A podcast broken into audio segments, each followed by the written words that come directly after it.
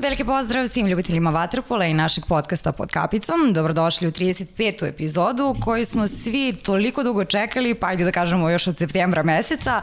U ovoj epizodi čekaju nas e, zanimljive priče iz prizme nekadašnjeg golmana, pa onda selektora, a sada čoveka koji će nam govoriti o trendovima u svetskom vaterpolu, u kom pravcu ide sport kada je, su u pitanju nova pravila i želja da a, ova igra bude pristupačnija običnom navijaču.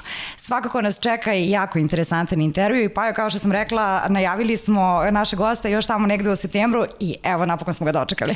Da, konačno smo ga doveli u studiju. U posljednjem trenutku nas je posljednji put onako izmakao i e, otišao put, put Kanada, ali evo veliko zadovoljstvo što, što sada sedi sa nama i radujem se naravno što ćemo iskoristiti priliku da a, pored tema koje, smo, koje si navela pričamo i o srpskom šampionatu, da pričamo i e, učinku srpskih klubova u Evrokupu, ali pre toga bih želeo da iskoristim priliku da eto i, i u ovoj emisiji odavam poštovanje i počast e, nedavno preminulom sudiji Nenadu Golinu koji je nažalost izgubio bitku sa koronavirusom i eto i kroz ovaj podcast ćemo se podsjećati ovaj, e, uloge Nenada Golijanina kako u srpskom tako i u i u svetskom vaterpolu. A evo to sad za početak te molim da izvanično predstaviš naše goste. Uglavnom je našoj publici već poznato, dobili smo i dosta pitanja putem našeg Instagram naloga. Sa nama je Dragan Jovanović. Dragan je dobrodošao i evo na samom početku ja uvek volim da pitam kako ti se čini naš studio na kraju univerzuma. Bolje vas našao i uh, hvala na pozivu. Studio je perfektan, stvarno je izvredan i uh, atmosfera je odlična. To nam je drago, nadam se da ćeš uživati. Dragane, hvala ti puno ovaj, što, si, što si izdvojio vreme. Znam kako izgleda kako izgledaju tvoji dolasci u Beograd, da si željen i, i društva, da si željen malo i odmora i eto imamo redku privilegiju Marina ja što si, što si došao da pričaš sa nama o, o vaterpolo temama i eto ajde pripremajući se za emisiju neko smo se i nas dvoje dogovorili da, da krenemo tih tvojih ranih radova. Znam da si odrastao na Dedinju pa pa nas zanima prosto e, kako se kako je vaterpol ušao e, u tvoj život, zašto si se opredelio za taj sport? Jest, odrastao sam na Dedinju, verovatno jedan od, od redkih vaterpolista koji je odrastao na Dedinju. Uh, kako je uš, pa ušao je, moj otac je ovaj, bio malo povezan sa, sa vaterpolom, znao neke ljude, družio se sa njima, nije on igrao nikada vaterpola, ali je ovaj, družio se sa njima i uh, i jednostavno tako je počelo i moj brat od tetke je igrao vaterpolo u Partizanu koji je stariji od mene uh, pet godina, tako da eto, tako je, tako je to sve, ovaj, sve počelo, u stvari počelo je na tašu sa onom školom plivanja uh, čuvenog Slavka Njegovana, uh, nekih možda godinu dve i onda se se prebacio na, na banjicu, to je praktično ovaj, bila najbolja škola i uh, bilo je blizu, par stanica ovim uh, trolebusom, uh, dva minuta kolima i, i eto tako, tako je to, to sve počelo. Sad meni je interesantno to što si sa dedinji išao na banjicu u Partizan. Da li još neko iz kraja bio podrška ili te je prosto vukla velika ljubav prema Waterpolu? Pa vukla me ljubav prema Waterpolu. Ja sam, ja sam volao, stvarno sam, mislim, volao sam kolektivne sportove uh, u principu. Ja sam, ja sam prvo počeo trenirati futbol. Aha. Da. I uh, pošto sam onako bio malo, ovaj, malo viši od, od ostalih svojih vršnjaka, otac me odveo ovaj, na, na stadion. Partizan su mi, Pa, ja sam probao i u Zvezdi u Partizanu. Ili tako? Da. Sjajno. Šekularac je ovaj, bio tada uh, trener tih klinaca i uh, jednostavno samo ovaj, posle nekih 15 minuta ovaj, me pozvao i rekao mi imali uh, mislim da bi dobro bilo da ideš na košarku ili neki drugi sport. Tako da, znaš, to je bio, istim, tako to je, je bio. to je, to je bio kraj moje fudbalske karijere. I posle sam, ovaj, ako se sećam dobro, u Partizanu sam malo nešto igrao, možda ovaj, par meseci, neka jesen tako nešto. Uh, mislim da je kod Vladice Kovačevića bilo. Uh -huh, znaš, uh -huh. uh, Tako da ovaj, onda sam prešao na onda sam prešao na waterpolo u školi sam igrao mislim sve sportove to je normalno da. Uh ali u principu mislim ja volim društvo ja volim ljude ja volim grupu uh, tim. Uvek sam voleo i dan danas volim i, i verovatno je to tako nekako i, i počelo Uh -huh. Znači, htio si da nam kažeš stvari da je lakše bilo igrati u Partizanu futbol nego u Zvezdi. Da, da, da. da. ali, ali si yes. poslušao Šekija, to je dobro, yes, si poslušao yes, Šekija. Da. yes. Hvala, hvala mu tome. ja, kaži mi, kako si, kako si postao golman? Da li, je, da li je to bila želja ili istice okolnosti, pošto su neke tvoje kolege golmani ovaj, rekli da im to baš nije bio prioritetni cilj? Pa ja mislim da nikom nije prioritetni cilj da postane golman, znaš, tako da, ovaj, to je jedno onako, uh, interesantna anegdota, znaš, na Banjici imaš onaj, e, onaj bazen od 50 metara duboki mm -hmm. i u to vreme, ne znam kako je sada, ali u to vreme tu su bili seniori uh, u onom delu usred bazena, znači tih 30 metara i za golova su bili, ne znam, kadeti, juniori i tako dalje i tako dalje. Sad, škola plivanja, škola vaterpola u stvari, je bilo u malom bazenu. Uh -huh. Mali bazen je plitak i tu se zna šta se radi, tu se plive. Pliva se do, iz, do iznemoglosti. Što ja nisam baš mnogo voleo, moram da priznam. Ovaj, nije me baš to toliko privlačilo. Uglavnom, to je trajalo nekih, ne znam, ja, godinu dana, godinu i po dana, tako nešto. I uh, u tom trenutku je Ratko došao za, za trenera uh, prvi put. Znači tamo negde 80. na primjer, da kažem, tako nešto ne mogu tačno se setim. Uh, mislim da nije bio trener seniora tada, nego je trener nekih od mlađih kategorija bio, koliko se sećam. I došao je u taj mali bazen i sad je, to nas bilo stotine, ali bukvalno stotine. I sad, ne znam, aj kao da vidi kao, ko kako radi ovaj, noge škare, noge bicikl i šta ja znam, sad to i sad mi ono pokazujemo tamo ovo ono i ono izabere nas jedno desetak, 15, ne znam, jedan, znaš, od, od tih stotinu. I onako stavio nas u ćošak i, ovaj, i kaže,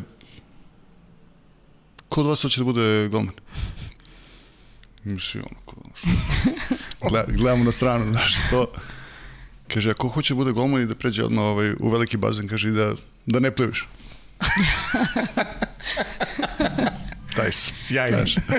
Tako da, eto, to je ovaj, jedna anegdota. Uh, samo je problem što posle sedam dana kompletna generacija prešla u taj veliki bazen kao igrači. Znaš. Znači, upeto se, upeto se na što srat kad se, nisam više, više imao strpljenja uopšte, znaš.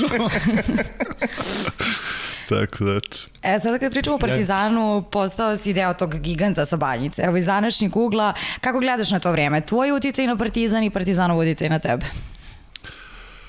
Pa sigurno da je, da, je, da je ogroman uticaj, mislim, to nema priče, znaš, to je uh, bila jedna škola, fantastična škola Vaterpola, uh, treneri su bili izvanredni, uh, meni je trener kroz skoro cijelu karijeru bio Nikola Stamnić, koji, mislim, zna se šta, šta znači u, Waterpolu i šta od njega potiče i da je uvek bio inovator i 15 koraka ispred, ispred svih, tako da, mislim, tu nema, nema priče. Neka profesionalnost koja je iz tih vremena išla, disciplina, a, stvaranje tog timskog duha, a, poštovanje, znaš, sve su to stvari koje su ostale u nama, koje ja i dan danas osjećam u svakodnevnom životu. Znaš, to, to se nauči ovaj, od malih nogu i to ostane, ostane u čoveku. Tako da, s te strane, mislim, fenomenalno, stvarno, ovaj, stvarno fenomenalno. Uh, sa druge strane, to je, Partizana je uvijek bila neki problema. Uglavnom finansijskih. Uglavnom finansijske prirode. Uh, ja sam otišao iz Partizana 93. godine baš iz tog razloga. Otišao sam u, u Beče koji je početao da stvara vrhunsku ekipu. Tako da je to neki ajde, gorak ukus koji je ostao. Uh, ali u svakom slučaju mislim jedno, jedno lepo vreme, jedno bezbrižno vreme koje smo provodili tamo, uh, tad je bila topla voda uvek, znači to se uh -huh. nije postavilo pitanje, hvala Bogu. Uh, treniranje leti pa čak i tri puta dnevno. Uh -huh. što mislim da današnje generacije mislim, nema, nema šanse da, da, ovaj, da rade i da, da bi iko ostao na bazenu. A, struka stvarno fantastična, rezultati, mislim, znala se. Znači, mi kad idemo na, na prvenstva, Partizan je prvi, a bukvalno, bukvalno se nas tako učili. Znači, Partizan je prvi, a ovaj, svi ostali se bore za, za ostalo mesto, za drugi, treće i tako dalje i tako dalje. Ja sam često igrao i za Partizan i za reprezentaciju u mlađe kategorijama za starije kategorije. Tako da se nekako i uh, vučem neke kontakte druženja sa godinu dve starima, starima od sebe. Uh, u prvom timu sam bio od 15. godine, znači počeo sam da, da igram ovaj, za, da igram. Mislim da treniram sa prvim timom, što je tada bila ogromna privilegija da, da se skidaš u stavčionici prvog tima. Mislim, uh -huh. to je bilo, ne može to baš bilo ko da, da, ovaj, da uradi a, sa, ne znam, sa Igorom, sa, sa Rađom, sa Bako Krivokapićem pokojnim, sa, mislim, Gočaninom, sa, sa Anto Vasovićem, sa svima njima, ja sam kuklinac praktično s njima, ovaj, s njima putovao, čak i sa Zoranom Petrovićem. Ja ne znam da li se sećate, ali uh -huh. i on je u Kanadi, on je u Torontu, samo ga slabo vidim, ovaj, uh -huh na dva, raz, dve različite strane zemlje smo. Ovaj. Da, da. Čak i sa njim, on je, on je bio stariji, sa braćom Udovičić, sa Vitom Padovom, sa Peletom Zemljićem, sa, mislim, svima njima. To je, ovaj, tako da, mislim, prelepa vremena, stvarno prelepa, prelepa vremena, ovaj, -huh. koje su prošle. I, a malo kad se vratimo nazad, Partizan je tražio i školu svakako i kada se sve to sabere sa ta tri treninga, kako je to uticalo na socijalni život? Jel se patilo u to vreme što nema izlazaka, što nema... Pa nije, ne mogu da kažem da se patilo.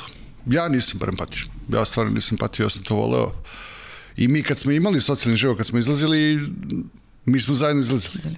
Znači, to je, to je bilo društvo. Ja veoma, veoma malo dobrih, dobrih, dobrih prijatelja imam, na primjer, iz škole ili tako nešto. Mislim, ono iz kraja imam. Imam, ne mogu da kažem da nemam, ali Uglavnom je to društvo iz, iz Vatrpola, tako da sigurno da je uticalo, to nema priče. Mislim, nismo mi mogli da izlazimo, jednostavno se nije, nisi imalo vremena uopšte. Ove, ovaj, I to je stvarno toliko rigorozno bilo da jednostavno nemaš, nemaš šanse. Znači, to je bila škola, trening i to je to. Malo ako imaš neki malo vremena da, da ovaj, u kraju tamo da se poigraš i to da igraš neki basket i to, i to je, to je otprilike, to je otprilike to. Baš sam skoro pričao, pre neki dan uh, prijateljima ne znam koliko sam imao godina 16-17 godina, nemam pojma. Seća se da je Riblja Čorba imala koncert na, na sajmu. Uh mhm. -huh. Sad, znači, mi smo mogli da preskočimo trening, ako si bolestan i ako ti neko umre. Znači, nema šanse drugačije. Da, da. I, ja, ovaj, I ja odem na koncert. I trener sazna za koncert. Mislim, to je bilo mesec dana pakle. Bukvalno mesec dana pakle. Ali mi nije žao. to je najvažnije. Znači, nije ti presela riblječar. pa u tom trenutku jeste, ali sad mi nije žao uopšte, znaš. Volao sam riblječar. E pa, ali to je ono što sam sad teo, u principu, to je vrhunski sport i generalno sport, u stvari je neka i škola života, evo, upravo pričaš pričaš o tim temama i e, naveo si eto i neke primere čega se sve sećaš, pa e, ajde da nam izvojiš možda još nešto vezano. E, da li si tu Partizanu negdje i doživao to neko sazrevanje i kao, kao ličnost e, počeo da negde uviđaš šta ti u životu prija, poput recimo e, muzike kroz ta druženja sa ljudima, ali vi jedni drugi, jedni drugi nesvesno upućujete možda na, na, na, na stvari koje niste svesni da, da, da, da, da volite u suštini, niste, niste otkrili neku strast e, koja se negde probudila vama družeći se sa, sa e, konkretno Waterpolo klubu. Znaš šta, ne, ne znam, mislim to je, ja sam otišao sa 22 godine iz Partizana, znaš, mm -hmm. tako da to je neko Rano, vreme... Ran, rani su radovi baš da, bili, da. baš su rani radovi bili. Uh, ali ono, ono što je ostalo meni je uh, druženje, uh, prijatelji, uh -huh. to je nešto što se ne zaboravlja. Uh, mogu da ti kažem da evo svaki, bukvalno svaki dan vi verovatno se njega ne sjećate, Nikola Ivanović, koji je bio ne, da. kapiten naše generacije u Partizanu. Najbolji, ubedljivo najbolji. Uh -huh. uh, koji žive u Bostonu već 30 godina, u Americi živi 30 godina, malo bio u, u Kaliforniji, pa posle ovaj, prešao u Boston. Uh, mi se dalje družimo. Znači, da se čujemo i on je ovde trenutno, znači, bukvalno svaki dan smo zajedno. Znači, mhm. bukvalno svaki dan. Dejan Odovičić, on i ja i Jovan Lazarević, mhm. Partizana, mi ovaj, poslednjih 2-3 godine se nalazimo po svetu ono, vikendu dogovorimo se i nađemo se po svetu. Znači, to su, to su neke stvari koje... Da, ostaju za koje, koje zaovek ostaje. Stvarno zaovek ostaje, to je, to je neko blago stvarno iz tog sporta koje, koje proističe e, druga stvar je poznanstva po, po svetu. -huh. Mislim, to je, to je nešto što ja ne mogu da, znači nema para koje to mogu da plati, ali bukvalno nema, nema para. Mislim, da je meni čerka moja koja sad ima 23 godine, koja živi u Madridu, bila je na razmini nekoj u a, na fakultetu na razmeni a, pola godine u Barceloni. I sad normalno ja kao roditelj uvek hoću da da ima neko tamo da ako je. treba, da ako šta, nađe, bilo šta, zatreba se naći, znaš. I ja i dam dva telefona od mojih prijatelja od Ante. Jedan je Petar Trbović. Uh mhm. -huh. ovaj, I ona mene pita, mislim, ja, ja, ja nisam ni shvatao ovo ranije. Stvarno nisam shvatao, nego tek u tom trenutku sam, sam shvatio. I ona mene pita, kaže, tata, li ima neki grad, neka zemlja u svetu ti nekog ne znaš? Uh mhm. -huh. Znaš, to je, to, to je blago. To je Jest. stvarno blago koje dolazi iz sporta, znaš, iz tih putovanja i, i druženja i, znaš, poznanstava koje ostaje za ceo život. Stvarno koje ostaje za ceo život. Perone, na primjer, razumeš? Perone, da. Mislim, malo pre sam pričao mm -hmm. o, o njemu, a, kako god se vidimo, mislim, desi kako si, se dobro, šta ima, znaš, mislim, nismo mi ono preko poruka, ali ima drugih ljudi koje, s kojima sam preko poruka, znaš, ali mm -hmm. to je veoma mali, mali svet, uglavnom dobrih ljudi, koji se drži zajedno, znaš, da li to trebalo ili ne trebalo u tom trenutku nije bitno, ali ako ako si iz Vatrpola i neko drugo iz Vatrpola, to ti je ko, ko američki univerziteti. Znači njihovi oni, one grupe ovaj, koji su završili te fakultete, oni se drže zajedno. Tako se i mi držimo zajedno. Znaš, uopšte nije bitno da se mi videli ne znam, nisu se videli 5 godina, 10 godina, 15 godina, uopšte nije, uopšte nije bitno, znaš. Uh. -huh. ovaj, zove me ljudi isto iz Vatrpola, ako im treba neka pomoć, nešto, dolazi im neko tamo u Kanadu, ne, mislim, uopšte, ono, Ovaj, tako da to, znaš, to je neko naše društvo. To je, to je i moj život. Znači. Yes, super. Vaterpolo, eto, dosta, dosta toga ti dao, ali bilo je i konkurencije. U Partizanu je uvek bila konkurencija na poziciji golmana, pa eto, kada te vratimo nazad, da li se sećaš svog debija za prvi tim? Uh, za prvi tim? Pa pravo ti kažem, ja mislim, mislim da je to bilo da sam ja branio, ne da sam sedao na klupi. Mislim da je to bilo u Peskari negde 87. ili 88. godine. Sveća se stjarte ovaj, uh, čim sam ušao uh, u igru i nisam ja počinio, tad je, tad je Šoštar počinio. Uh, čim sam ušao u bazen i stao na god, znači prva lopta koja je došla do Stijarte, on je odmah šutno istog trenutka. Sreće promašio je god, znaš, pa, ovaj, a ja nisam ni reagovao, ono, mislim, klinac bukvalno. I, ovaj, i čuo sam neke krike sa klupe. Znaš, u to trutku. Ono, ne spavaj, razumeš? Da. mislim, kuplatno, ono. Mislim, mislim da je to bio. Stvarno, stvarno, stvarno se ne... Po sve, sve. po apsolutno sve. Mislim, ono, da. šok, trema, šta ti kažem, u Peskari je ja ne znam da ste videli slike ili neke snimke iz tog vremena. Peskara je bila stvarno ja mislim, najbolji tim tu, pored Partizana, ne znam, mladosti, mm ovaj, najbolji tim na, na svetu. Ali su imali takav marketing da je to, to, to nešto nevrovatno. Znači, 50 metara bazen, 30 metara teren, apsolutno svaki santimetar bazena je bila reklama. Pa čak, pošto su imali one malo podignut, uh, ovaj, podignutu ivicu, i tu oko bazena su bile, znači, ja dolazim sa banjice gde nema ni jedne reklame. Preduzeće, ozbiljno znači. Da, da, mislim, ono, is, normalno da je šok. Mislim, skačeš u vodu, gledaš šta se dešava ovde, znaš, mislim, ekipa na ništa, ništa, apsolutno, ti ništa nije, meni kao klinci. Normalno, bili su stariji koji su to počinili, koji su vukli najviše i sve to, ovaj, tako da smo mi veoma dobro igrali protiv njih, ali uh, nije bilo, nije bilo lako uopšte. Da.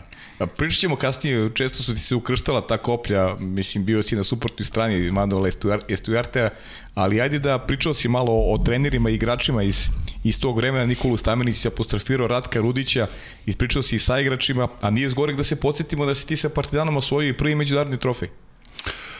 Uh, jesam, to je mislim da je bio kup pobednika kupova, kupova da. da. i onda ja mislim da smo i super kup osvojili. Super kup Evrope, da, da. Ja mislim da smo igrali protiv mladosti. Malo, to je davno, davno bilo tako da, da. se baš i, i ne sjećam najbolje, ali ovaj, ne, znaš šta, ja ne, ne živim u prošlosti. tako okay, da ja to, tako i treba, u suštini. Tako da ja to, ono, da. znaš, ovaj, malo na stranu i stvarno me, te stvari me ne interesuju, samo gledam napred, razumeš, i mm. uh, Mislim da smo super kup osvojili protiv, protiv mladosti. Normalno ja nisam, nisam branio, nisam bio prvi golman, nego mm -hmm. sam bio na, na klupi, ovaj, ali jeste, to je Ko bio... Ko je bio prvi golman? Šošter je Šošter, bio. Aha. Da, da, da. Uh, ali jeste, osvojio sam, eto, imam taj prsten. Prsten, da. e, ali nažalost mi moramo da te vraćamo u prošlost jer gledalce toliko zanima tvoja karijera, a posle Partizana ide Beči, spomenuo si ga i to je klub koji je preuzeo primat ne samo u domaćim uslovima. Jest, jeste i jedno predivno vreme. Stvarno predivno vreme. Uh, Beče je počeo, u to vreme je počeo apsolutno ni od čega. Znači, apsolutno ni od čega. Uh, ja sam došao iz Partizana, ja mislim da smo mi te godine uzeli, 93. smo uzeli kup, izgubili smo prvenstvo od Zvezde, uh, uzeli smo kup, to, to znam sigurno, ja to finale prvenstva nisam branio zbog nekih nesporazuma sa, sa upravom uh, i otišao sam u Bečej kao neki, da kažem, formiran mladi igrač. Znači 22 godine tek mi počinje karijera, ali ljudi ipak znaju znaju za mene u, u, u okviru barem naše zemlje. I dolazim na bazen u Bečiju, trening je počeo, ja se ono selim tamo, dolazim, dolazim praktično sa, sa dve torbe, ulazim na bazen, pa jedno 30 igrača u bazenu, ja znam dva. Znači, bukvalno dva. I ovako gledam, Vlah Orlić tada bio mm -hmm. ovaj glavni Bečiju, A, I ja gledam ovako Ivicu i ništa mi nije jasno. Znači, gde sam ja došao, šta, šta ja radim ovde? Stvarno mi ništa mi bilo jasno. I Vlah Horić vidi o čemu se radi i dođe kod mene i pozdravi se i kaže ovaj, nema ništa brineš za da godine ćemo biti šampioni. I bukvalno je i tako bilo, tako znaš. Da. Stvarno pre, prelepe, četiri godine, prelepe. Uh, ja sam prve dve godine uh, dolazi svaki vikend u Beograd, normalno, društvo, devojka, moja supruga sadašnja, ovaj, e, porodica, Beograd, mislim. Tako da sam prve dve godine dolazio, dolazio sam skoro svaki vikend u, u Beograd, e, posle utakmice, ono, na dan dva, ali ovaj, posle toga, poslednje dve godine, pa ja ne znam, ono, dođem na utakmicu, vratim se odmah, odmah nazad. Mm. Jer je stvarno bilo, stvarno je predivno bilo. Znači, ceo grad je živeo za taj klub i za taj sport. Uh, svi su nas podržavali, apsolutno svi. Atmosfera je bila fenomenalna. Druženje između nas je bilo fenomenalno. Znači, imali smo mesto gde smo, kad god odeš, neko je tu. Znači, apsolutno neko je tu. I sve je bilo podređeno tom klubu i uspehu i, i, ovaj, i nama, i, znaš, tako da stvarno su nas ti ljudi držali kao malo vode na dlanu. Stvarno kao malo vode na dlanu i meni je žao šta se sad dešava u, u Bečiju i na kojem je to nivou, ali eto, mislim, šta da se radi, to je život. Da.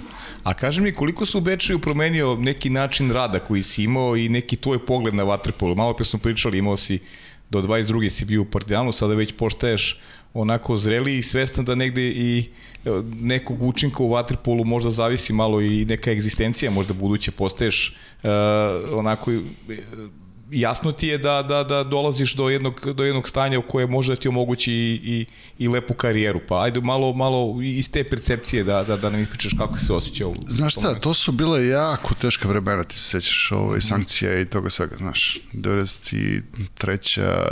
četvrta, peta, kad su ljudi živjeli bukvalno 10 maraka mesečno. Yes. Ovaj, stvarno jako, jako teška vremena. Uh, gde smo mi praktično kroz sport smo to nismo ni osjećali. Da. Stvarno smo ovaj, imali sreću u životu, znaš da a, da imaš primanja koja ne mogu da se, da se mere, bukvalno da se mere. Ja se sećam, moj pokojni tast je radio u Radio Beogradu, a, još prevodio ovaj, privatno i šta ja znam, mislim, da je mene bilo sramota sramota bilo kad kažem koliko zarađujem i šta, mislim, znaš, da. to je to je jako teško, tako da sigurno, sigurno, znaš, je uh, tih godina uh, ovaj, uh, se nekako prelamalo. Uh -huh. uh, I ja sam tu vidio neku svoju karijeru uh, kojom sam išao, pa dok li išlo, praktično, znaš. Ali dobro, to me odvelo, odvelo me u nekom ne u drugom pravcu, ali neka trenerska karijera i, i zašto sam i u Kanadi sada, da. isto zbog Waterpola, znači, jest, izgradilo neku moju karijeru i budućnost, uh -huh, znaš. Uh -huh. E da se vratimo na 97. Prvi Final Four eh, Bečeja, proglašen si za najbolje golmana. Kakve a, eh, još uspomene vučeš sa tog turnira u Napolju? Povučem, a, eh, prva asocijacija su mesec dana pakla od treninga. pre, pre, tog, ovaj, pre tog turnira uh, Vlako Orlić je, ja mislim da je operisao kataraktu. Uh mhm. -huh. I Nikola Stamnić je došao za trenera Beče baš bukvalno, pa ne znam li da li je bilo mesec dana, možda je bilo dve, tri nedelje. Uh mhm. -huh. Gde smo prošli kroz ovaj, stvarno kroz jedan neverovatan ritam treninga.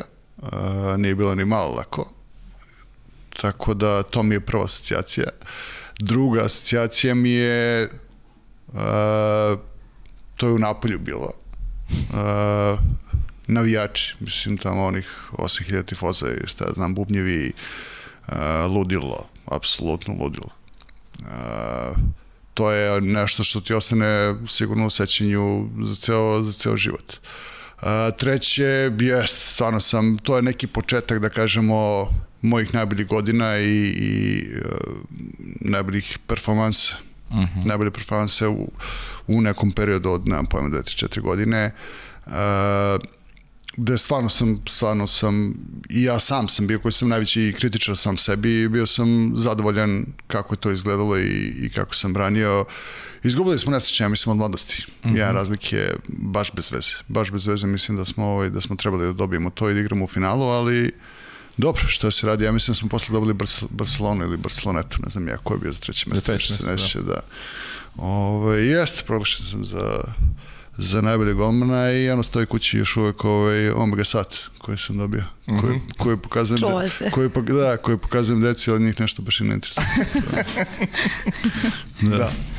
E, kaži mi, kada govorim o tim rezultatima sa Bečecima, naravno osvojio si dve duple krune u to vreme jeste Beč bio dominantan ali biti šampion u ono vreme nije bila mala stvar jedna od najjačih liga na svetu je bila ta domaća liga jeste, jeste sigurno da jeste i to se gradilo uh, dve godine se praktično gradilo to i na kraju to ono što je rekao Vlaho biće da, da, za dve godine. godine pa baš da. tako, baš tako znaš uh, mukotropan rad, sigurno tu nema priče. Ja mislim da smo mi, da nam je Budva bila najveći konkurent u to vreme. Uh mhm. -huh. Partizan još i, i, i nije toliko. Mislim, on, bili su dobri, sigurno su bili dobri, ali mislim da nije a, te 90 i, na primer, pete, šeste, tako nešto. Ali mislim da smo igrali ta finala sa, sa Budvom E, I to je onako, bilo je, stvarno je, stvarno su bile dobre utakmice, sveća se na, u, u Bečeju, mislim, to je prepun. Znači, apsolutno prepun, ne samo tribine, nego sve ostalo i montažne tribine na, na bazenu i, ne znam, baklje i ludila i, i to, uh, u to vreme smo igrali na tri dobijene finale, na tri dobijene utakmice, mislim da smo odigrali svih pet, koliko se sećam. Uh, to je bilo nekih otprilike sa pauzama između utakmica nekih 20 21 dan u karantinu na putu Znači, baš je onako bilo, baš je onako bilo naporno, ali nije bilo, sigurno nije bilo lako. Sigurno nije bilo lako i Partizan je bio jak isto. Uh, ne mogu se da se setim Zvezda. Mislim da su bili. Okay. Uh, to je Kotor isto bio tu u nekoj konkurenciji, ovaj, ali nije, stvarno nije bilo lako osvojiti ovaj, jednu titulu, a ne, a ne da. duplu krunu. A ja mislim da smo mi to radili dva puta, dva puta da. da. dva puta dve godine za, za redom. Uh mhm. -huh.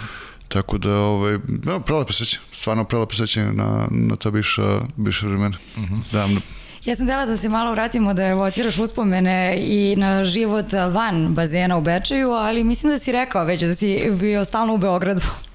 Pa nisam, nisam stalno, prve dve godine jesam. Prve dve godine jesam, a, a, ali po, posle toga ne, posle toga ni, niko od nas nije išao iz Bečeja. Uopšte, mislim, tamo smo ostajali i, i stvarno je bilo fenomenalno. Mislim, i društvo i, i ma sve živo. Stvarno sve živo. A, jedan neverovatan osjećaj kad ideš malim gradom, a, a bukvalno te svi znaju i svi te cene i poštuju i respektuju a, i vole što si tu. Znaš, to, to je, to je prelep, prelep osjećaj, znaš. A, nekako ljudi se asociraju sa, sa tobom i sa tim uspesima. Tada u to vreme i Beče i u futbolu bio prilično dobar. Da. Tako da ovaj, to je nekako bio sportski grad. Uh -huh. uh, van bazena pa bilo je interesantno. Svega bilo je interesantno, bilo je ovaj, i slavlja i tuge i, i svega. Uh, ima jedan kafić uh, tamo gde smo mi bili stalno, to zove se Blue Moon. I svi su to znali i svi su hteli tamo da budu i tamo smo sve slavili i, ovaj, i kad nije išlo tamo smo bili i, znaš, tako da ovaj, prelepo, stvarno prelepo, prelepo vreme.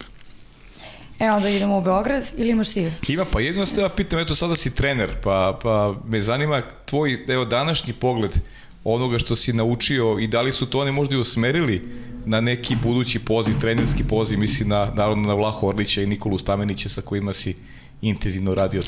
To morate, morate ispravim, ovaj, ja sada nisam trener više. Do, sada nisam, nisi, ali ne, naravno, sada od, nisi, znam, ali, ali, ali, da. da ali, ali kasnije na, na taj tvoj pot. Jest, sigurno da jest, uh mhm. -huh. sigurno da jeste, znaš, jer oni su bili, oni su bili inovatori. Uh mhm. -huh. I ja sam to isto pokušavao da uradim uh, u Kanadi kad sam postao trener. Uh, o, mislim da sam uspeo da, do, neke, do nekog nivoa, uh, jer ipak smo imali prilično dobre rezultate sa jednom veoma prosječnom ekipom. Tako da sigurno da sigurno da jeste, znaš, e, kad vidiš takve ljude koji su posveđeni vaterpolu i kad jednostavno kad dođeš u, u, u bazen i znaš da kad trener, kad ti nešto kaže, da je to to. Mm -hmm. To je bukvalno to. Znači, svi igrači to, to osjećaju, znaš. A, sigurno i da, i da me to povuklo povuklo tim putem, tim putem, znaš. Mm -hmm. E, a puta je odveo i u Beograd. Branio si za Crvenu zvezdu. Kako se odigrao taj transfer? Pa to je onako jedan interesantan period, period života. Uh, 97. je bilo evropsko prvenstvo u Sevilji. Uh, tamo smo bili drugi. Ja sam još uvek bio u Bečiju. Trebao sam potpišem novi ugovor. Uh mhm. -huh. Hteli su da potpišem novi ugovor. Ja nisam hteo da potpišem novi ugovor dok dok se ne isplate stari dugovi i to je trajalo nekih, nema pojma, 15-20 dana, mesec dana ovo ono i uh, jednostavno nije bilo dogovora i ja sam ostao bez kluba te godine. Uh, tako da je to jedan onako malo sivlji period, uh, ali onda 98. godine ovaj, sam otišao u, u Zvezdu. Uh mhm. -huh. I uh, dve stvarno fine, fine godine. Uh, jedne godine sam čak bio i u vojsci dok sam branio za, za Zvezdu. Uh, lep jedan period, stvarno lep period. Zvezda je imala mlađi tim, uh, jedan od igrača je Nikola Janović, koji je bio ministar za sport u Crnoj Gori. Uh, I on je bio mlad je bio, baš mlad, baš mlad. Da, ja sam već onako iskusniji i tu, no, kaže, pri, pa ajde, i, i, i, i u nekoj, možda početak kraja karijere Mislim što ja u tom trenutku nisam znao, ali to je tako ispalo uh -huh, na, na mhm. kraju.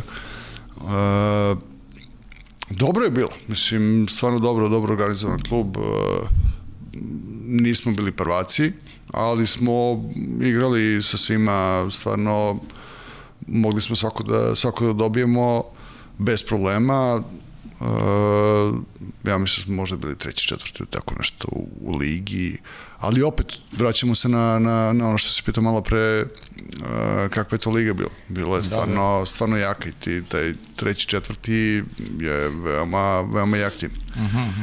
Tako da, ovaj, da, sećam se ovaj, lepih vremena. Da. A koju utakmicu u Zvezdinoj kapici izdvojaš kao najbolju ili posebno pamtiš? Pa protiv Partizana sigurno. Jasno. to je isto pobedili, da? Ja mislim da jesu, ja mislim da ima se neku temperaturu, nešto uh -huh. sam bio bolestan, ovaj, nije bila korona. Nije bila korona, nije, da. bila nije bila korona, to znamo da, sigurno, da. da. Nešto sam bio bolestan i to i onda me krivi ovaj, Krivokopić. Uh -huh. Naterao me da uđem u basen. A stvarno sam bio sloven, ja mislim, jedan, tri, četiri dana nisam, nisam uopšte ni na treningu bio, samo sam ležao kući. Mislim da smo ih dobili na banjici 5-4 ili tako nešto. I tu sam stvarno sam, ono, stvarno sam branio ovaj, prilično, prilično dobro. Znaš, tako da to je jedna od utakmica koja, koja da. se seća. Da. Eto, kad nije bilo trofeja, pamti se utakmice. Da. Pogotovo u večitom derbi, da. Jest. E, ajmo sada da pređemo na reprezentaciju. E, sećaš se, verujem, tih e, dana kada si dobio te prve pozive, rekao si juniorska reprezentacija, pa ajde malo, koji te selektor kontaktirao prvi i da evociraš malo te, te uspomene? Opet idemo na te rane radove. Pa znaš šta, nije to... Ja ne znam kako sad funkcionišemo, da li selektori kontaktiraju igrače ili ne, ne, nema pojma stvarno. Mm -hmm. ovaj, ali u to vreme ni, nisu nas selektori kontaktirali. To, ja sam bio u Partizanu i uh, jednostavno po tom nekom renomeu Partizana i, i ovim uh, rezultatima, znači ti, ako si u Partizanu prvi golman u svojoj generaciji, ti si u reprezentaciji prvi golman. Mislim, to, znaš, to je nekako da. išlo ruku pod ruku. Podrazumevalo se, da, da. Podrazumevalo se. Ne, ne mislim da je to bilo neko potežiranje ili to, ne, uopšte, nego takva je bila škola. Jednostavno, Partizan je mnogo jak bio, stvarno mnogo jak. Tako da, ja se i ne sećam tih poziva i toga svega, stvarno se ne sećam. Mislim, to sve išlo preko Saveza, preko kluba, Saveza do kluba, pa nam kaže trener, pozvan si ili šta znam, na spisku si reprezentacije i, i to je u principu, u principu to. Mislim. Jel to znači da se ne sviđaš dok pa ne poče priču o Sivilji pre 97. Da li si bio kandidat za najbolji državni tim? Pa bio sam, ja sam a, 96 96. godine ja sam bio na kvalifikacijama za olimpijadu gde sam branio za, ovaj, za reprezentaciju, a Šošter je bio prvi golman, ja sam bio drugi golman, Šošter je morao da se vrati uh, posle četvrt finala ili posle grupe ili tako nešto. Ušli smo u, u polofinale smo ušli i on je morao, on je, ja mislim, Igor Milanović, morali su se vrate u klubove, a onda su mi klinci ušli. Ja sam branio i osvojili smo prvo mesto na, na ovome, na kvalifikacijama, da koje su bile prilično prilično napete. Mislim, da je to bilo u Berlinu ili negde u Nemačkoj. E, Nemačka, Australija je tada prolazila kroz kvalifikaciju. Oni su imali prolaz preko kontinenta u to mhm. vreme. A, Rumunija je bila odličan tim, odličan tim i više se ne sjećam ko je, ko je igrao tamo, ko je sve bio, ali stvarno je bio onako, bio je prilično naporan, naporan turnir. E, tako da 96. sam, sam igrao, čak i 95. I 95. je, e, to su bile one sankcije. Pa 95. je praktično prva godina kad smo mi dobili pravo da igramo u inostranstvu, da igramo internacionalno. Uh -huh Eh, pa smo otišli na neki turnir u Katani, sećam se u Italiji, i posle toga je ta tada A reprezentacija, ali podmlađena, eh, je otišla na univerzijadu. Znači, svi mi koji smo posle 97. ušli u reprezentaciju smo bili na univerzijadi, ali to je bila A reprezentacija naša u to vreme. 92. sam bio na priprema za olimpijadu za Barcelonu, kompletnim pripremama, e, tako da Jes, i pre toga sam, i pre toga sam ranio, na olimpijadu 2006. nisam otišao, na olimpijadu 2000. nisam otišao i to je ovaj, onako, malo ostaje gora kukus. Kukus. Da, mm. pričat ćemo o tome, a e, kad se kaže Dragane Sevilja, odmah se nekako setim finala, eto, imam i godina pa mogu da se setim toga, e, sa Mađarima i te utakmice sa mali broj golova, Tamaš Kašaš, 3-2 to finale. E, kako ti gledaš na, na to srebro, ceo turnir? Možda istakneš nešto sa tog takmičenja što, eto, što mi ne znam. Pa kako gledam? Gledam a, kao jedno prvo takmičenje a, jedne mlade generacije, uh, udaranje nekih temelja za budućnost. -huh. uh, mislim da, da je posle toga, posle te Sevilje, svi ostali uspesi koji su dolazili kasnije i posle 2000. godine su nekako uh, stvarno su udareni temelji tad. Uh, jako težak turnir, jako težak, sa osam utakmica u osam dana. Znači, to se više ne igra osim na ovim kvalifikacijama za olimpijadu što su sad bilo u Rotterdamu, koji je kompletan idiotizam po meni, ali tako je kako je. Uh, osam utakmica u osam dana gde ja posle četvrte utakmice više ne osjećam nikakvu bol. Znači, ne, ono, znaš, utrneš. Mm -hmm. Kompletno utrneš. Uh,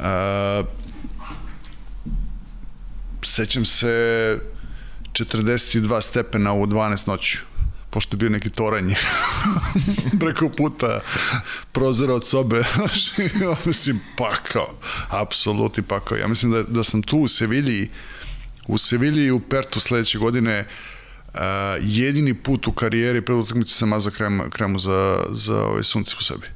Znači, mi, nama nije dozvoljeno da, da mažemo to, mislim, to jednostavno ne može, ne može da se izdrži. Uh -huh. uh, mlada generacija, mladi igrači, ženi svega, ženi dokazivanja, e, ženi pobeda, e, znaš. E, sećam se jednog poteza, ja mislim da smo igrali polofinale protiv Hrvata, jako teška utakmica, i mislim da je bila i jedan razlike za nas. Tako se završilo, koliko se sećam, 8-7 ili tako nešto i ide kontra Hrvata uh, dalje bilo 1 na 0 2 na 1, tako nešto. A lopta je skroz na drugoj polovini kod njihovog gola. I Čira pravi tamo faul i isključenje a ovaj baca loptu, već je lopta u, u vazduhu praktično. I sudija sudi isključenje tu za nas u tom trenutku i lopta se vraća i sad dok se lopta vraća na mesto faula, mi pokrivamo tu i, i na kraju pobeđujemo. Mislim što je sa sudijske strane katastrofa. Znači, ne, možeš da ustaviš kontranapad. Da. Ali je nama, nama u tom trenutku bilo je ono, hvala Bogu, znaš. Dobro došlo. Dobro došlo, znaš, to bi neki Slovak sudije. Ovaj. Tako da se toga sećam. Sećam se isto tako Italijana. Ja mislim da je bilo četiri finale utakmice protiv, uh, protiv Italijana koju smo, koliko se sećam, dobili 4-3. Ali i to nije toliko bitno, nego koliko smo se mi spremali za njih, koliko smo mi ih znali bukvalno u dušu. Znači, oni naprave, pre nego što naprave korak, mi, mi već znamo koji, koji korak prave. Tako i ja na golu isto, znači, apsolutno Apsolutno. Znaš gde će šutiraju sve. Tačno, znam. Znači, po, po ovaj, poziciji tela, po poziciji leve ruke, po mahu, znači, apsolutno sve. Tako nas je spremio Nikola mi smo gledali, prošli smo pakao to leto, stvarno pakao. Evo, upravo je bilo, izvini, pitanje gledalaca, slažeš li se s izjavom Vlade Vojasinovića e, da su za to takmičenje e, trenirali, da ste za to takmičenje trenirali tri meseca naporno kao konji i da niste znali šta da očekujete? Pa jest. Jeste, potpuno se slažem. Znaš, ja se sećam da sedeli smo pre, uh, par dana pred put. Mi smo došli, mi smo došli ovaj, u Beograd, meni se čerka tad roda. Sreća. Aha, da. Znači, ja sam došao uveče, a ujutro sa, Sreća. ujutro sa suprug odveo bolnicu, Simona. Ove, za drugu dete nisam bio kući kad se rodila. Mm uh, tako da, uh, sedeli smo više se neće kako se zove, na vencu, da li onaj City Passage ili tako nešto. Moguće. Ja sam volio tamo da sedim, neko me prijelo, nemam pojma, i bilo nas jedno petro šestero, uh, i prolazi Gočanin. Uh -huh. Toga se sećam, mislim kod da je juče bilo prolazi Gočanin i sedne s nama, ono, kako ste momci šta radimo, ono, nije više bio reprezentacija. I ovaj, kako se osjećate? I ja mu kažem, rekao, ja pravo ti kažem, ja da čekam počne. A on kaže, to je izvanredan znak znaš. Ali nismo znali šta očekujemo. Stvarno nismo znali šta očekujemo. Znaš, da izlaziš prvi put u tom sastavu. Mi smo svi stvarno bili prilično mladi. Imali smo jedan period od 92 pa ne od 92. nego od 91. praktično. Od, 90, od 91. smo imali ovaj, do 95. smo imali pauzu gde nismo internacionalno nigde učestvovali. A, pa je posle toga bila olimpijada u Atlanti gde je rezultat bio prilično, prilično loš i sad dolazi nova generacija, mladi, ovo ono, a, malo i straha sigurno, a, nekih očekivanja koje stvaraju pritisak. A, nismo znali, stvarno nismo znali šta da očekujemo, ali, ali smo se borili. borili A koliko je teško doći do medalje nakon sankcija? Pa mnogo teško ali mnogo teško. Evo daću ti jedan primer. Mi smo od Mađara izgubili to finale 3-2. Sledeće godine, 98. bili smo na turniru gde smo igrali u Mađarskoj, gde smo igrali sa Mađarima nerešeno. Znači, godinu dana rada da se pomeriš jednu stepenicu. I onda je trebalo da ih dobijemo praktično 90 i, 90 i kada je to bilo, 98. decembar ili tako nešto, svetsko prvenstvo u Pertu, više se neće. Uh -huh. Znači, praktično, da bi ti došao od minus jednog gola do nerešenog, do plus jednog gola, treba ti, mislim, ono, tri godine, da, tri da. godine rada. Tako da je, nije uopšte ni malo, ni malo lako. A zamisli, 3-4 godine bez internacionalnog iskustva. Mi smo imali sreće, što što je u to vreme uh, Beče imao izvrenu saradnju uh, sa mađarskim klubovima. Pa smo išli svaki četvrtak, ne, utorak ili četvrtak, autobus u Segedin, da bi igrali sa Segedinom, ujutru, onda ručamo tamo, proštamo po gradu, uveče ponovo utakmice mm. i vratimo se nazad. I svake nedelje tako. Mm. Tako da smo imali, imali smo sreće s tim, ali drugi klubovi to nisu mogli da uradi. Znači iz Beograda ti nemaš sad da odeš, ono, se voziš do, ne znam, Segedina pa da odigraš dve utakmice, pa ono, nam je bilo tu na 45 minuta. Jasne. Znaš, tako da nije, nije, nije lako četiri godine pauze u internacionalnih takmičenja, nije lako, ali jedna, jedna stvar je, uh, mislim da je dosta pomogla. Jedno leto je bila letnja liga i svi naši igrači iz inostranstva su se vratili, svi, većina, su se vratili u domaći klubove. Uh, I to je bilo fantastično. Stvarno je bilo fantastično. Partizan je bio jak, Beče je bio jak, Budva je bila jaka, Zvezda je bila jaka, bilo je ono peše klubova koji su stvarno, stvarno su, stvarno su bili jaki. Tako da to je onako pomoglo, ali opet ne možeš mnogo da da ovaj da dobiješ na tom neiskustvu internacionalno praktično. Baš sam sa sa Jugom Vasovićem pa neki dan pričao. Uh mhm. -huh. I to je i to je danak tog neiskustva internacionalnog.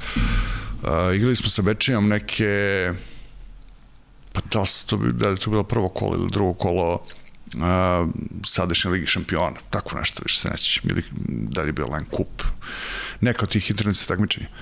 Mi smo igrali sa, mi smo jedva Ukrajince dobili. Znači jedva, 8, 7, mislim, Ukrajinci koji ne postoje na mapi sveta. Da, apsolutno a, sa Nemcima, mislim, to je baš bilo onako. Tako da, za sve to treba vremena da se nadoknadi. Yes. Ali dobro, mi smo, eto, uspeli smo i uz taj jedan, stvarno smo radili ko konji to leto. A, uspeli smo uspeli smo da, da dođemo do tog, do tog nivoa. Ja, spomenuo si i Mađare, oni su i u to vreme bili veliki rivali. Da li si ih možda najviše respektovao od svih protivnika? Pa ne mogu kažem da sam ih respektovao, ja sam ih mrzao. iskreno da, iskreno da bude. Sjajno. Jednostavno. Iako imam sad par, par drugara koji su igrali sa nama, mm. ovaj, Balažvince, napravo, koji igra u Bečiju, mm -hmm. fantastični smo, super smo i, i viđemo da, se. Svi vole Balažvince. Da, da, da, tako da, ovaj, ali, da, nisam ih, nisam ih volao. Da. Iskreno ih nisam, nisam volao. Uh, teško mi je bilo kad je Tibor Benedik umro. Baš mi je bilo teško jer je ovaj, bila je u Partizanu smo imali uh, razmenu. I to s, njihova sportska škola, Vatrapol sportska škola Kajaši čuvena škola. Uh, sa njima smo na primer lupam u na jesen bi mi išli u Budimpeštu na 3-4 dana i onda bi bili kod njih kući, igrali sa njima, a oni bi došli, na proleće bi došli u Beograd i tako. I ja sam bio u to razmeni sa, sa njim. Mm -hmm. Tako da se znamo veoma dobro, ovaj, uh, uh, pa je onako bilo malo emocionalno. Ali uh, da, oni su, mislim, uvek su, uvek su Mađari Mađari. Mislim, tu nema, tu nema priče. Znači, nikad s njima, nikad s njima lako, a i nikad ne znaš šta dolazi. šta da, da. da, da je ovaj, interesantno, baš interesantno s njima. Dobro, interesantno mi je to, ta, ta mržnja, ali pre, prepostavljam proizilazi kroz ta sportska ovaj, da, rivalstva. Da, da, pa naravno, naravno, da, da. da.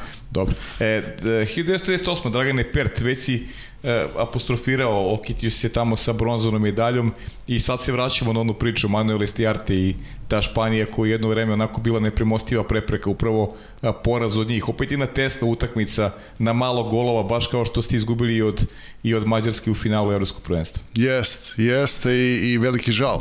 Veliki žal jer plan je praktično bio, mi smo bili u grupi sa Mađarima uh, i mislim da smo izgubili od njih uh, ili smo igrali nerešeno, ne mogu tačno da se setim uh, i praktično je plan bio da ovaj da s njima igramo u finalu i da da ih dobijemo znači posle te 90 i 97. pa nekog turnira negde između tog evropskog prvenstva i svetskog prvenstva, pa svetsko prvenstvo, uh, trebalo je da ih, znači takav je plan bio ceo da ih, da ih dobijemo, međutim izgubili smo od, od Španije, ja mislim da poslednje dve četvrtine mi nismo dali gola.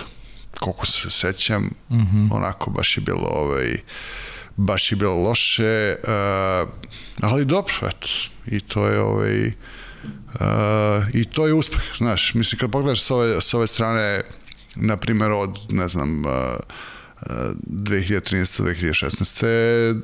Znaš, bronzana medalja kad pogledaš i, i nije nešto. Međutim, ta generacija je jedna generacija, a pre toga svaka medalja je stvarno, stvarno je ovaj veliki, veliki uspeh. Mm -hmm. pogotovo za mene koji nisam imao klub u to vreme i praktično sam, sam sam trenirao. Ja sam išao na taš tamo sam treniram, dok nisu počele pripremne reprezentacije.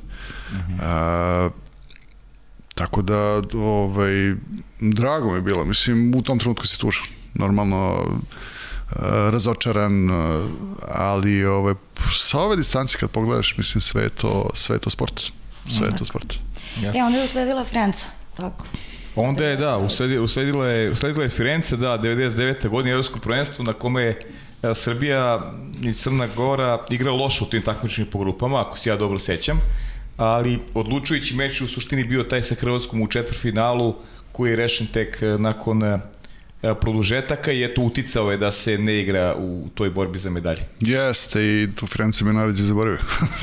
e, taman moram da se ubacim eto od pitanja od naše Aleksandre. A, da li ti je meč sa Hrvatskom to baš u Firencu i dalje a, jako zabeležen u sećanju, toliko jako zabeležen da si ga bar 50 puta puštao kanadskim igračima kako bi videli kako si igrao vaterpolo? Nisam ga ni jednom pustio ni sebi.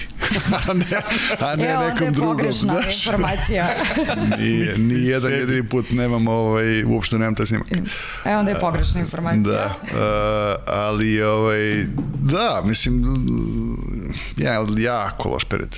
Mislim, to uh, je praktično vuklo i, i, i iz ekipe, a i iz rukovodstva, i saveza, i neki prelom i i ludila i čuda i mm -hmm. tako da jednostavno kad pogledam s ove tačke gledešta sada Ba, mi, mi nismo imali šansu da osvojimo bilo kakvu medalju. Znači, apsolutno atmosfera nije bila tako kakva trebala da bude u to vreme da, da bi mogli da osvojimo. Tako da, ovaj, ja mislim da je Bujas bio uh, kažnjen da nije mogu da igra u Firenci, koliko se sećam, zbog navodnog dopinga, koliko se sećam, ne mogu da se sećam. Mislim da oni i Benedek da nisu igrali.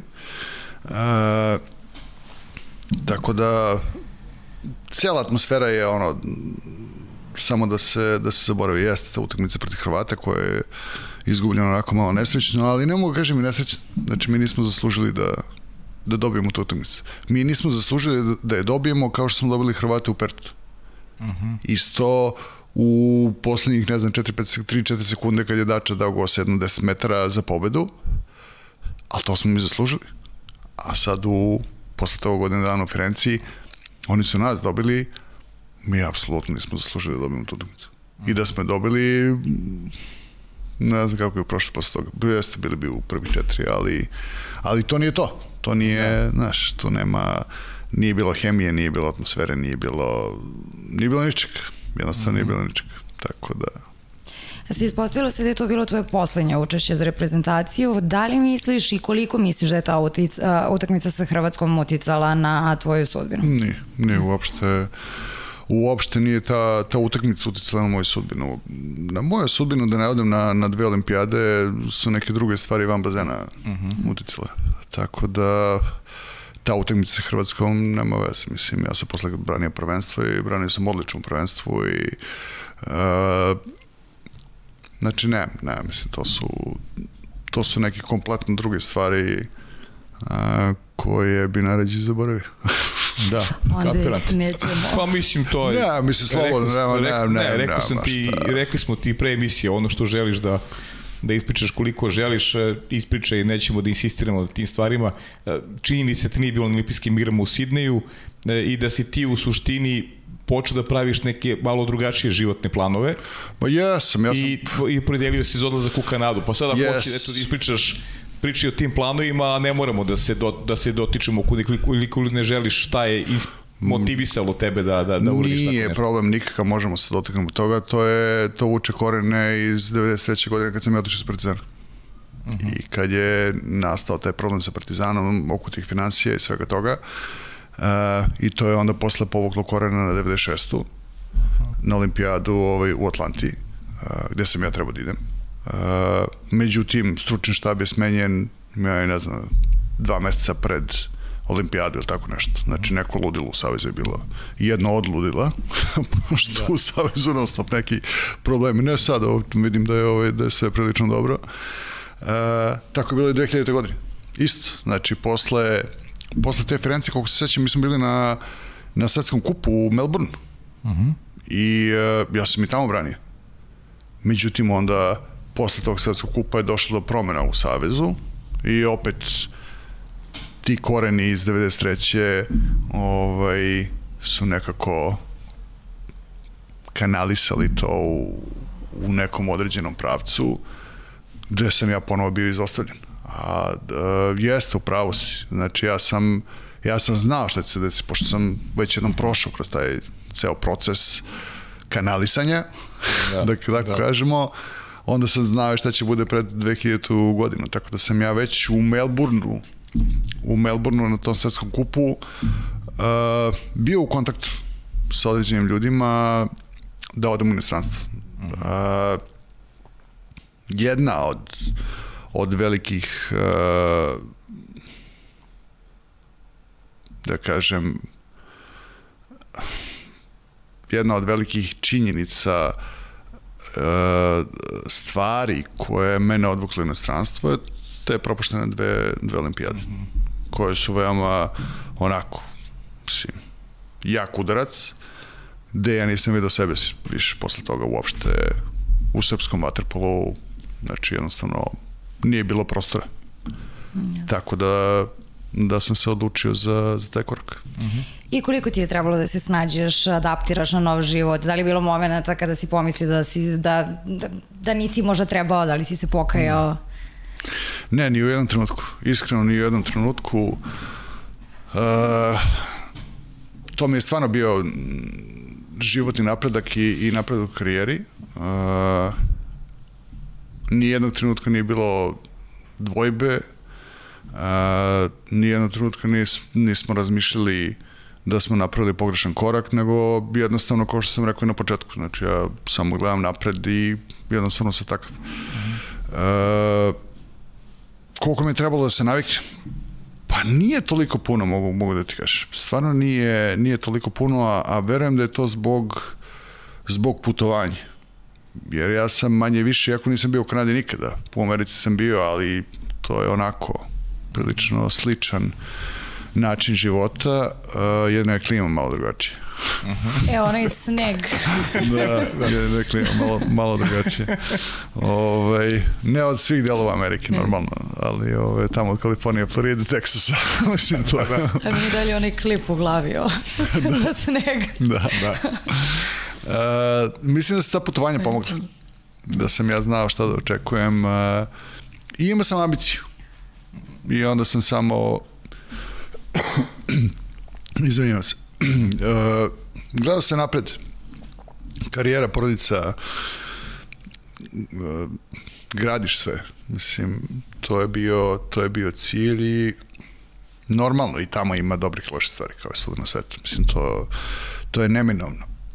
Ali jednostavno, kad si u tim nekim godinama, uh, kad imaš porodicu, onda samo guraš napred.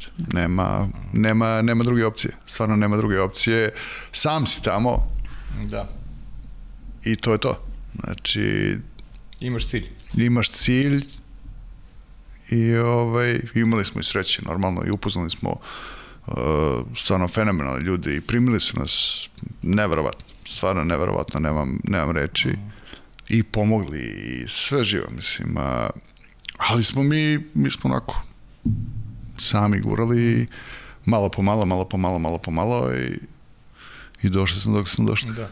A kaži mi vaterpolo, Dragane, koliko se razlikuje od, od onoga što si naučio ovde i, i gde si uopšte branio? Kako funkcioniše nešto se zove klubski vaterpolo u Kanadi? Pa nisam ja, ja sam, ja sam branio možda mesec dana, nisam više od toga. Uh -huh. Znaš, odmah sam prešao na poziciju uh, pomoćnika reprezentacije i radio sam u klubu. -huh. A Tako nisi branio da, reprezentaciji? Ne. A nisi uopšte branio Nisam branio reprezentaciji, prvo iz razloga što za državljanstvo njihovo treba minimum nekih 4-5 godina da proći. Tako da, me da, to da. baš nije mnogo interesovalo da tamo bez lige i bez utakmica da, ovaj, da treniram 4-5 godina da bi branio, mislim to. Tako da sam, posle mesec dva sam ja prešao ovaj, na poziciju na poziciju pomoćnika selektora.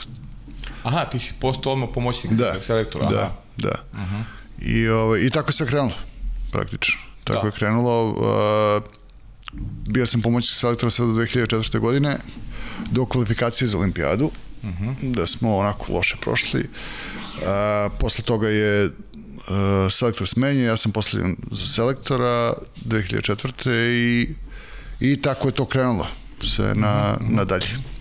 E, a imam pitanje isto od gledalaca, kakvi su uslovi za vaterpolo u zemlji hokeja? Jednom prilikom ste rekli da u Kanadi nema problema sa infrastrukturom i hladnom vodom kao kod nas, ali da je finansijska situacija lošija nego u Evropi i SAD-u. Da li se tu nešto promenilo ili igrači i dalje dobijaju samo stipendije i da li je moguće da u zemlji poput Kanade igrači imaju finansijske probleme, što je više rezervisano za naš vaterpolo, nažalost? Jeste, to je sve tačno, to sam rekao i to sam pričao par puta. Uh, kad kažem finansijske probleme, ne mislim finansijske probleme, egzistencijalne probleme. -huh. Znači, to nema, to nema govor, nego je, uh, život je drugačiji, kompletno drugačiji i ti momci kad dođu na fakultet, znači oni žive na studentskom budžetu. Koliko god to ljudima ovde značilo ili ne, to su, to je stvarno onaj minimum minimum. Uh, I oni dobijaju dobijaju tu stipendiju od države i njima je plaćena škola kroz tu stipendiju, univerzitet, što je prilično dobra, dobra ovaj, suma, uh, ali dobijaju nešto sitno stvarno nešto sitno da, da mogu jednostavno samo da praktično prežive, što nije dovoljno za vrhunskog sport, sportistu.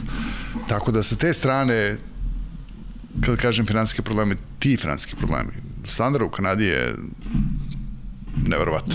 Mislim, to ne može da se poredi sigurno. Uh, ali ovaj, taj amaterski sport je nešto drugo.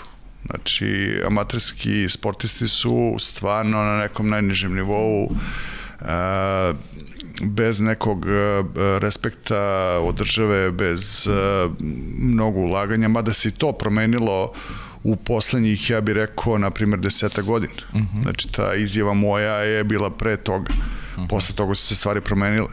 Da. Pogotovo posle olimpijskih igara u Vancouveru, gde je država počela, čak i pre počela da, da ulaže u sport mnogo, mnogo više, Uh, ali to i dalje nije na nivou, na primjer, Amerike, Engleske, Francuske, uh, Rusije, ne znam, Australije i tako dalje i tako dalje. Imamo dosta pitanja na tu temu, ali ajde prvo da se malo vratimo na olimpijske igre i Peking 2000, 2008. Bio si selektor i u to vreme to je bila velika senzacija. Jeste, jeste, to je prvi put u istoriji da se kanadska muška reprezentacija kvalifikovala na olimpijadu. Oni su učestvovali, ja mislim, dva ili tri puta pre toga, ali kao domaćini. Mm -hmm. 76. u Montrealu. Uh, 72. nisam 100% siguran, mislim da jesu, ali po pozivu Fine. Mm -hmm. Da, po pozivu Fine. Uh, I 84. u Los Angelesu praktično zbog bojkota istočnog bloka. Da. Uh, ali nikad se nisu kvalifikovali, znači zvanično kvalifikovali, to je bio prvi put. Uh, jeste bila senzacija, ali opet, to nekako mene povezuje sa, sa 97. godinom. Stvarno, stvarno smo radili mnogo.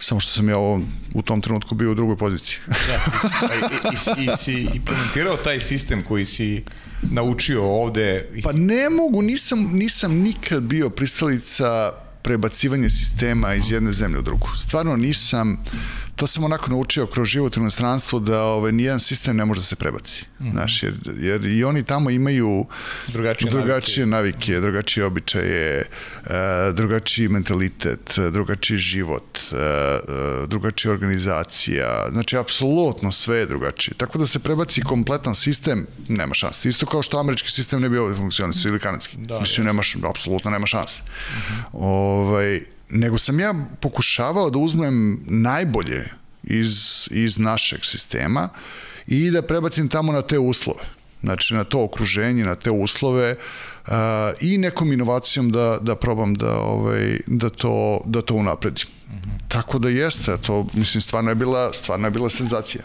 Stvarno je bila senzacija. Pritom Rumuniju u Rumuniji ste pobedili, što je yes. Rumuni koji su igrali velika igrali takmičenja su... i sećam se i reprezentacija Srbije ili Jugoslavije, koliko Nije puta se namučila sa Rumunijom, yes. x puta su to bili neizvesne utakmice. Jest, dobili smo Rumuniju u Rumuniji, a, a, pre jedno 3-4 hiljada gledalaca, znači pun bazen, apsolutno pun bazen gde mene pomoćnik nije čuo. Mislim, ja stojim na metro njega i, i vrištim, nešto mi treba, on jednostavno ne čuje, mislim, nema šanse. da.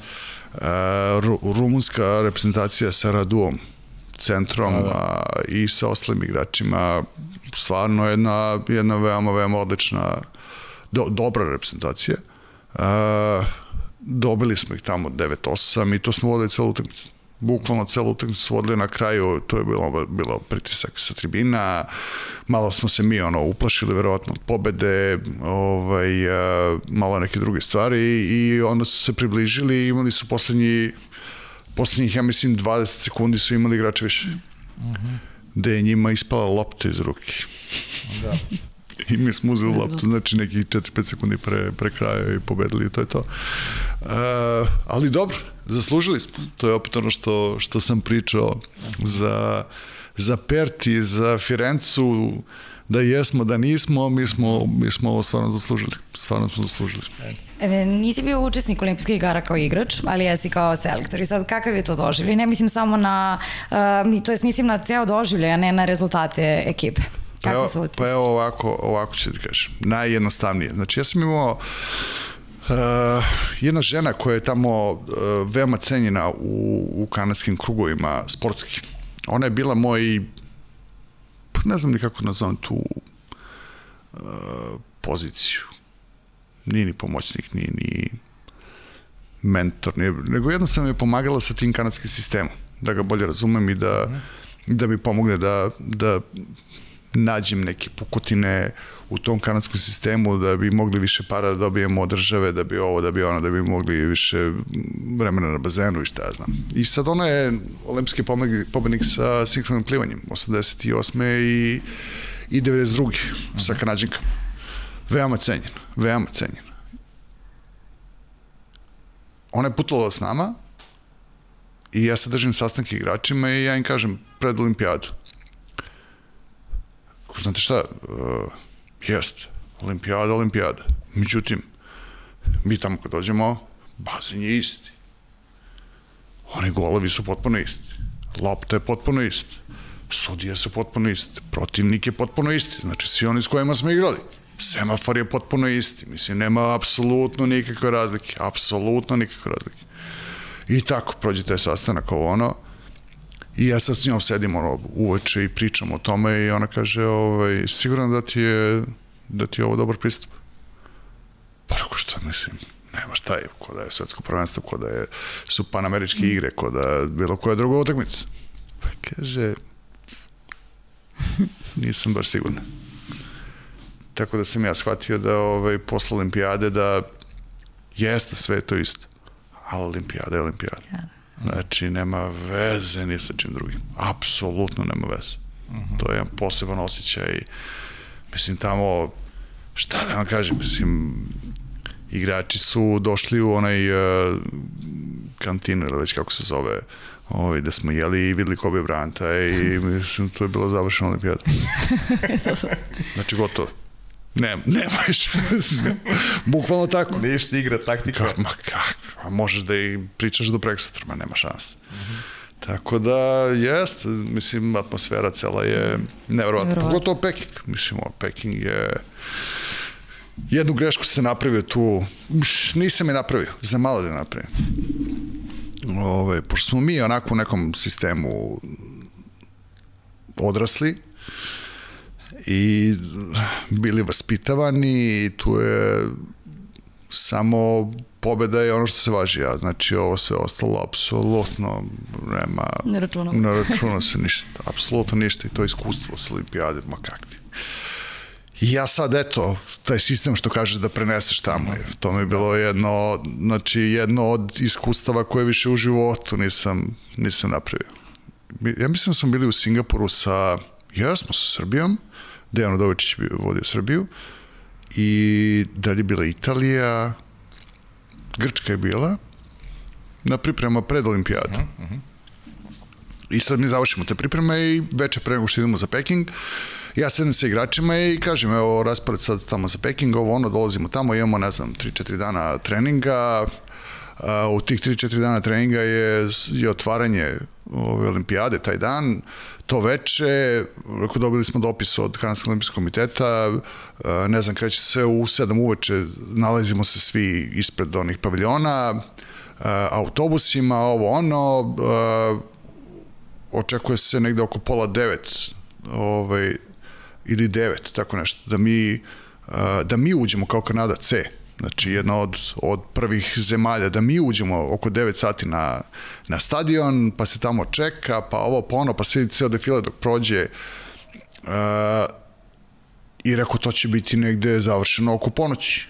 A mi igramo sutradan uvoč, igramo utakmicu.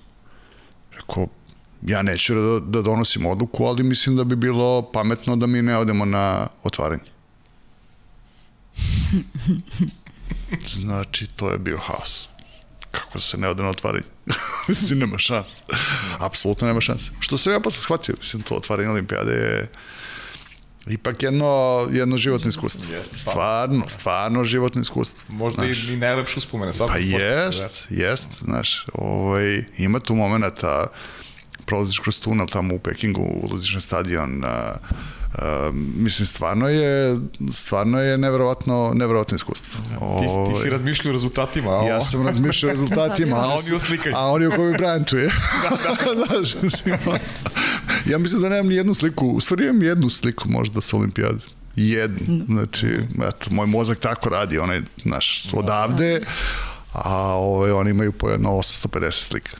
Da. Ja moram samo da se ubacim sa jednim pitanjem. A, cilj selekcije je bio plasman olimpijske igre i to ste svakako uspeli, ali nakon toga niste zaigrali na olimpijskim igrama u Londonu, ni u Riju, a neće vas biti ni u Tokiju. Zašto?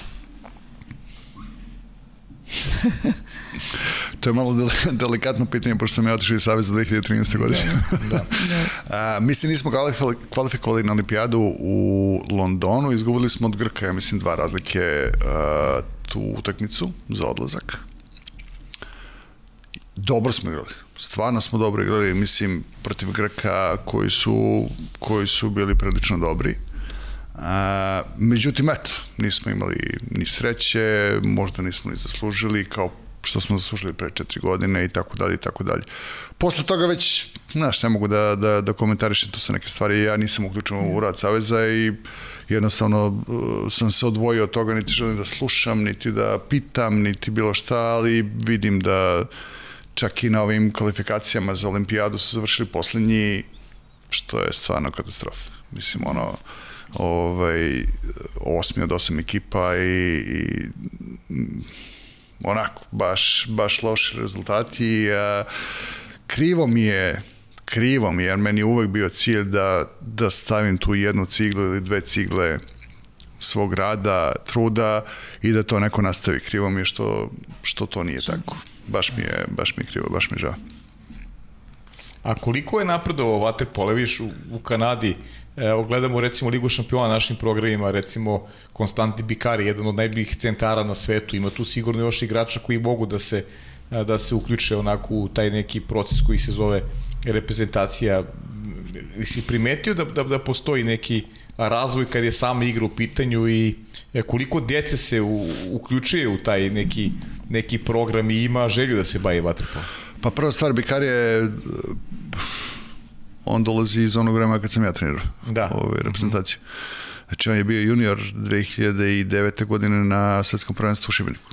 Mm -hmm. Gde sam ja video da taj momak je apsolutno ekstra talent. Znači, apsolutno ekstra talent.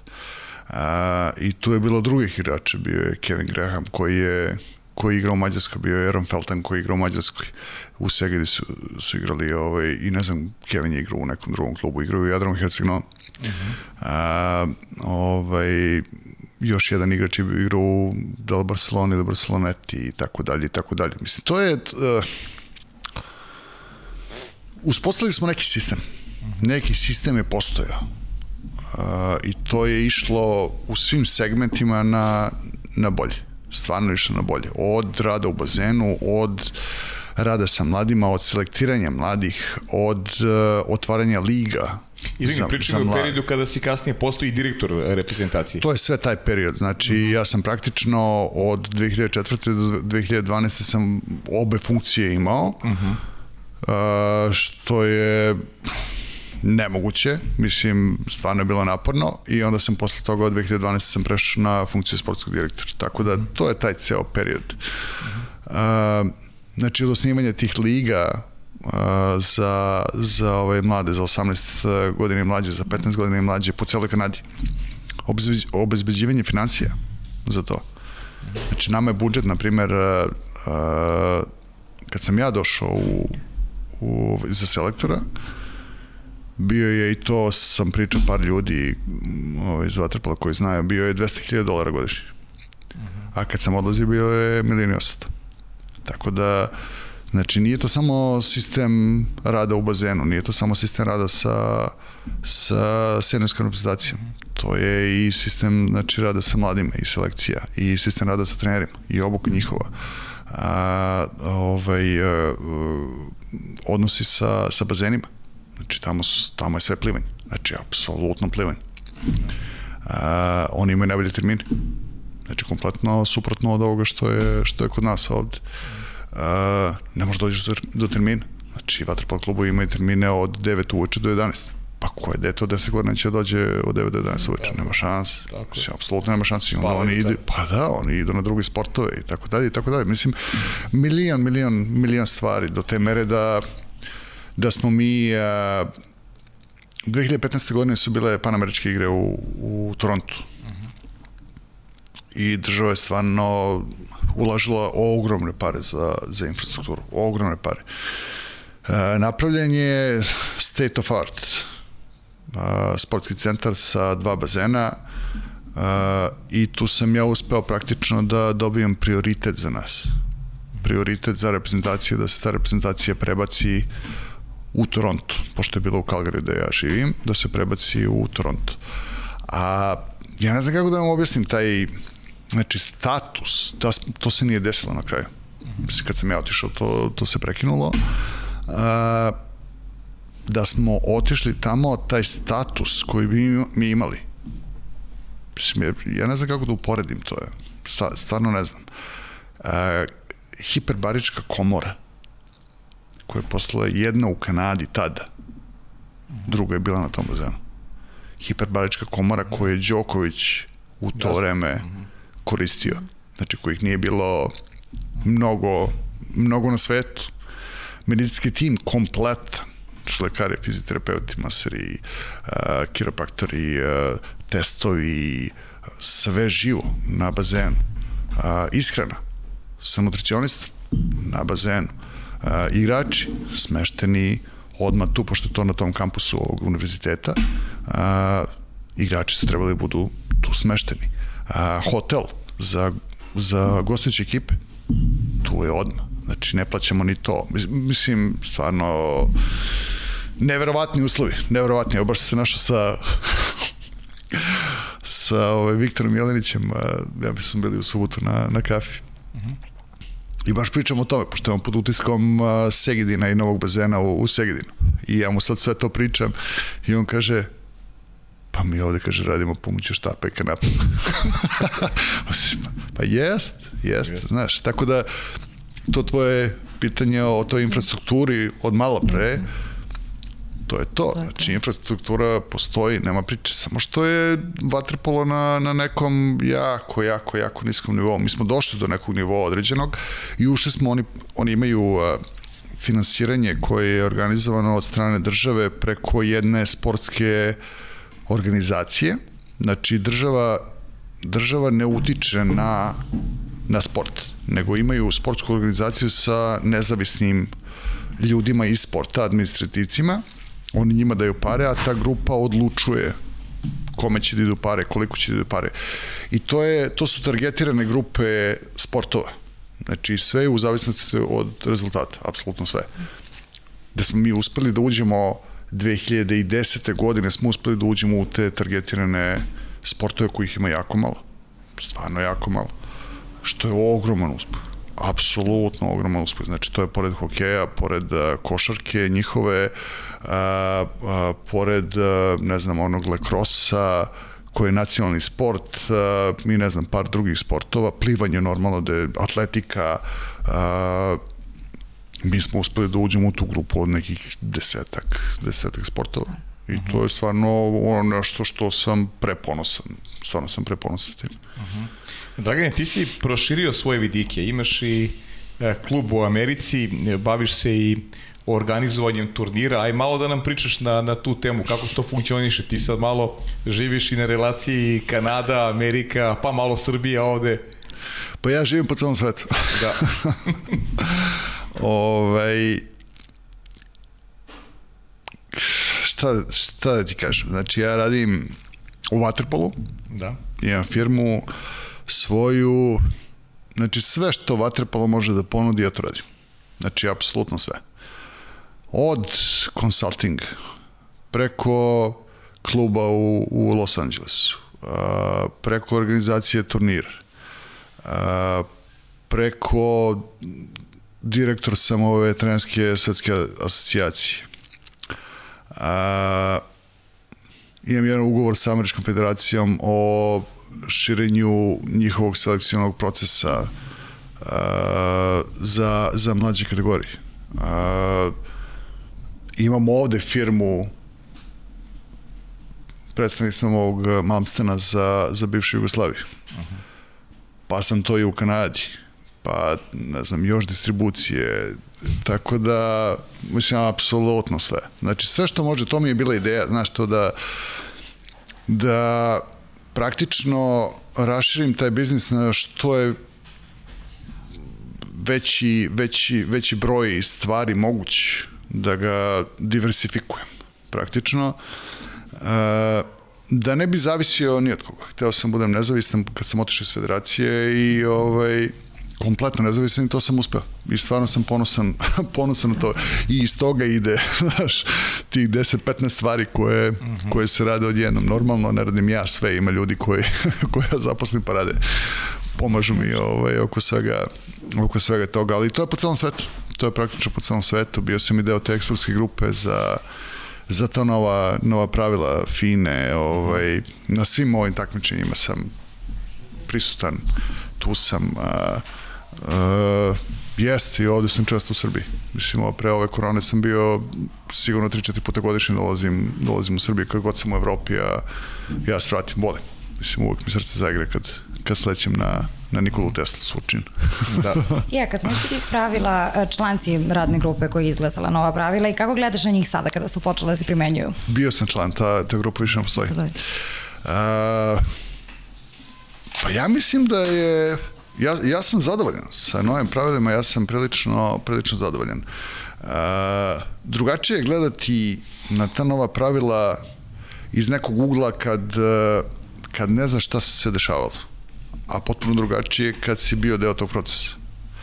Tako da s te strane, s te strane je ja jesam zadovoljan. Stvarno sam zadovoljan. Uh, jedna stvar koja s kojom nisam zadovoljan je što je to ostalo samo na pravilima. Znači, to uopšte nije bio plan, nije bio razgovor, nije bio dogovor, nego je tu trebalo raditi na svim ostalim segmentima vaterpola, znači da bude kompletna reforma vaterpola, pošto se tako je zvala reforma vaterpola. A, međutim, stalo se na pravilima i ništa drugo, ništa drugo nije urađeno. Pravila kao pravila po meni su sasvim ok, ubrzavaju igru, a, mnogo su teže za igrače. Znači, mnogo su teže za igrače, to nema priče. Znači, ovo je vaterpolo i ono kad sam ja igrao nemaju veze sa životom. Znači, to su dva neka sveta potpuno različite. Uh, ali mislim da je brži. Mislim da je malo čišći. Mislim da je malo čišći, što je nama, što je nama i bio cilj. Da, da pokušamo da napravimo taj sport malo čišći. Ostali su to segmenti u igri koji nisu dotaknuti. Naprimer, uh, centri back, njihov odnos. Znači, taj deo nije pipnut u tim pravilima.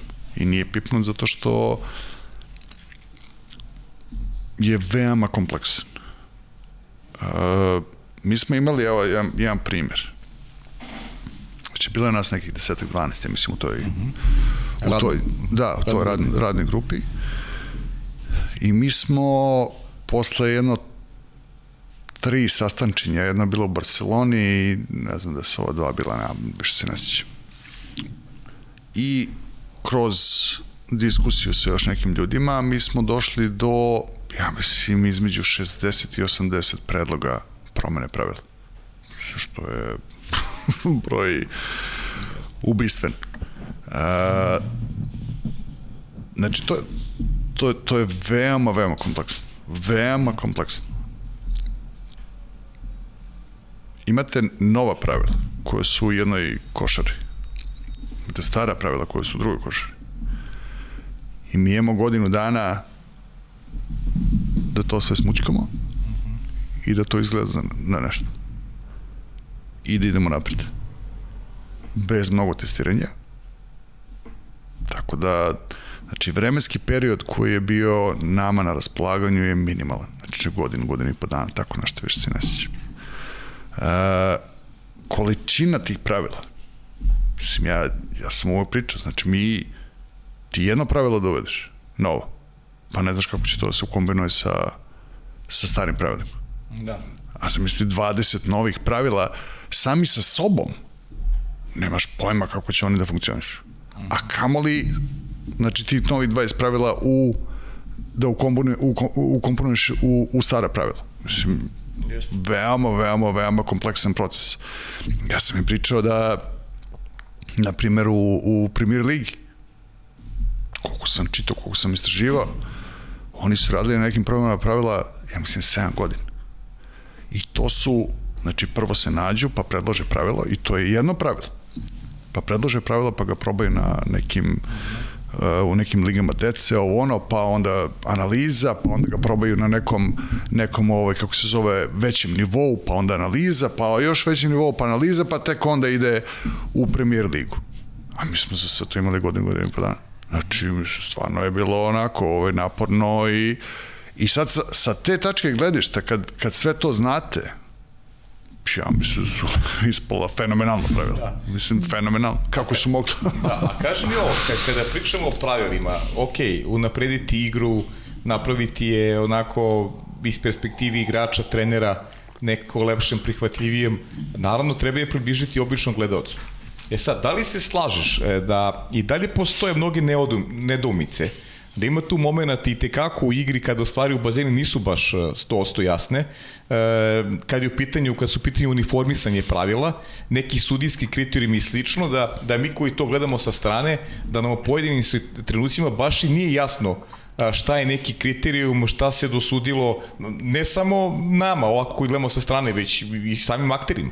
Apsolutno, potpuno se slažem. Znači, potpuno se slažem. Uh, jedna stvar koja je u našem sportu i koja je po meni loša je uh, više ne znam kako se to zove, znači interpretacija, interpretacija pravila. Mislim, uh mhm. -huh. šta znači interpretacija? Ne znači apsolutno ništa. Imaš pravilo i to je to. A interpretacija pravila je po meni samo uh, nekako da ideš ono oko pravila, razumeš, da bi došao do nekog cilja. Mislim, to je, to je po meni kretenizam. Uh, ali to što kažeš, to je tačno taj deo s kojim sam se ja razočarao. Znači, pravila ko pravila, sasvim su okej. Okay. Ali mi smo govorili i na početku, samom početku, pravila ko pravila nisu problem uopšte.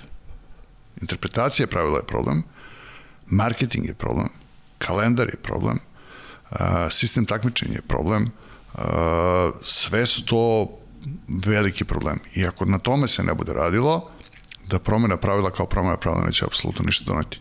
Ona je jednostavno po meni bržu igru. Uh mhm. -huh. Jel ima više gledalaca na, na tribinama? Koliko ja vidim, nema. Da. I to nije problem, nije problem olimpijade i svetsko prvenstvo. Olimpijade i svetsko prvenstvo su puni. I oni će uvijek biti puni. A problem su evo bazeni ovde u Srbiji. Uh mhm. -huh. Utakmice. Bazeni u, u Crnoj Gori utakmice, u Hrvatskoj, u. -huh. po celoj Evropi, po svetu, mislim, to je to je jednostavno jedna stvar koja mene jako me razočarala. Uh -huh. Jer mhm. plan je bio da se napravi kompletna reforma svega toga, međutim stalo se na, na pravilima. Za sad se ne pomera napred. Vidjet ćemo, evo, ovaj, uh, generalni direktor FINE posle 35 godina pod ostavku ovaj, pre neki dan, tako da ko zna, možda, možda i bude neki Možda problem. bude bolje nešto. možda i bude. Nisam baš ovaj nešto ube... da. ohrabren, ali ajte vidjet ćemo. Da. A kako gledaš u kom pravcu ide Vatrpolo? Da li misliš da nisu ugrožene pozicije sporta u olimpijskoj porodici? Ha, to je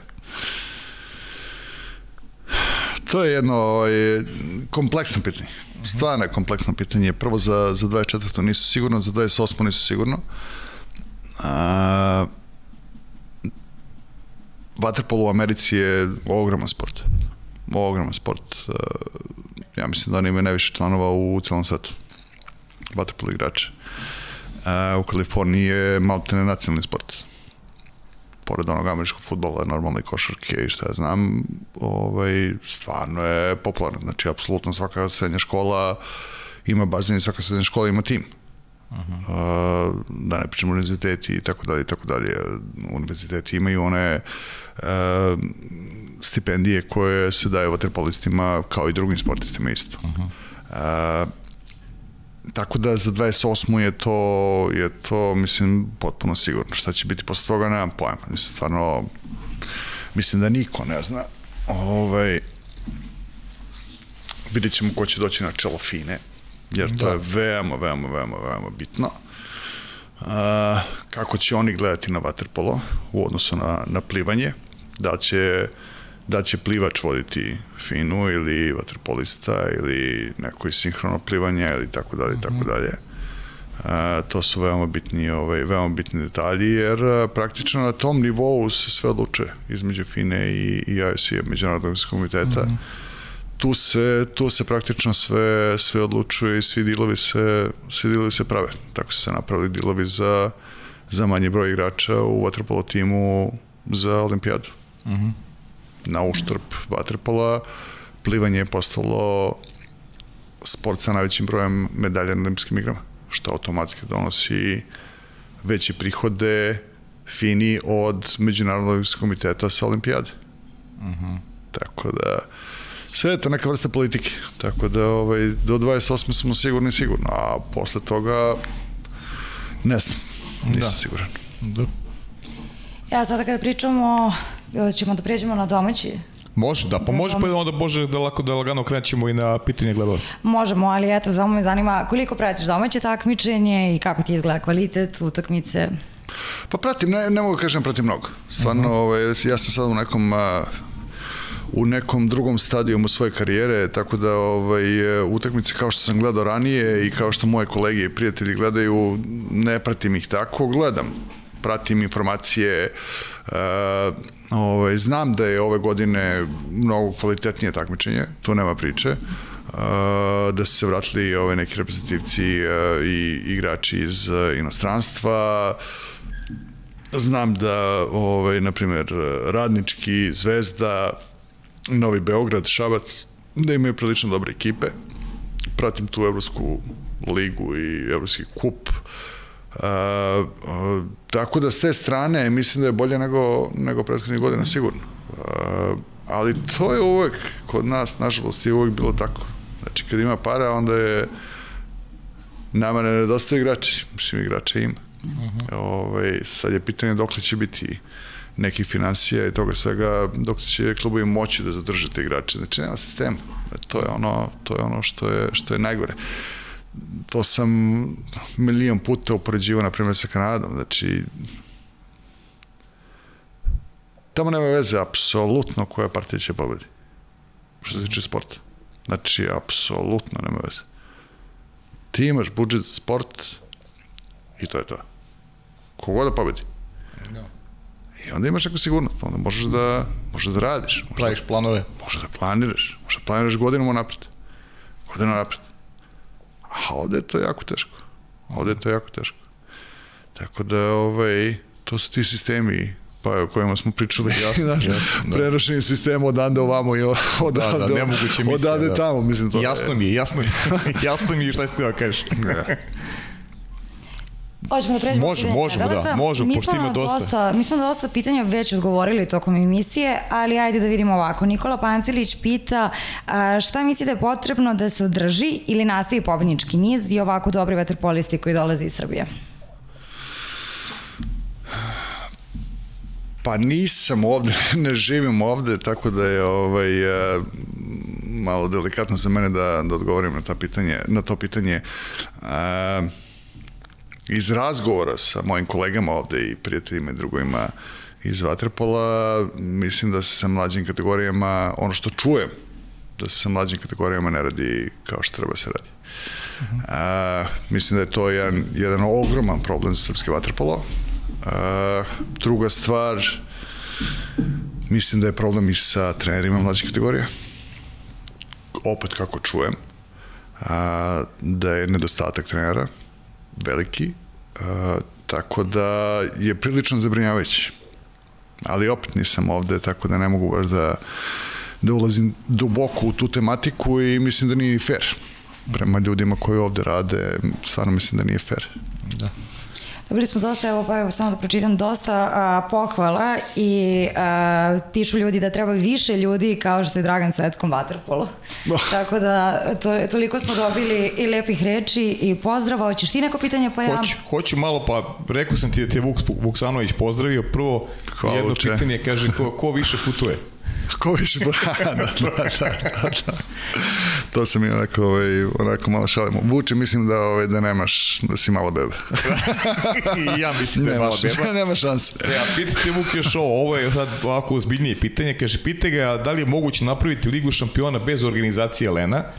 I koja je računica klubova da daju 200.000 evra za organizaciju Final Eight turnira plus organizacija smešta i svih stvari za klubove? Da li postoji opcija i da li se priča o tome?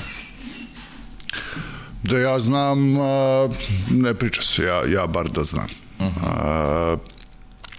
to je postojala ideja pre nekih, nema pojma, 80 godina, preko vlasnika Proreka, međutim, iz razno raznih razloga to nije prošlo. Da. Ove, to je bilo nekih ljudi koji su ili svoje lične interese ispred interesa sporta, što mene uh, neverovatno me ljuti i ne volim te stvari. Ovaj, tako da ta cijela ideja nije, nije prošla. A, sad u ovom trutku koju ja znam ne priča se.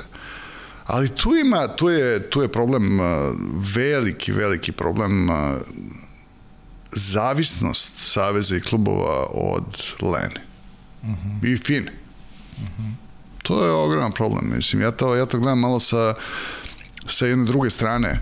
Uh, pošto sam ja nezavistan kompletno i to mi je bio cilj. Znači da ne zavisim ni od jedne federacije, apsolutno ni od jedne, da ne zavisim ni od Len, ni od Fine, ni, ni od koga.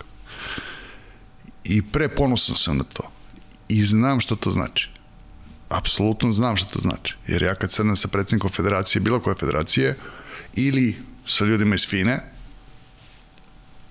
ja pričam ono što mislim da da je tačno, da ono, ono što treba vaterpolu.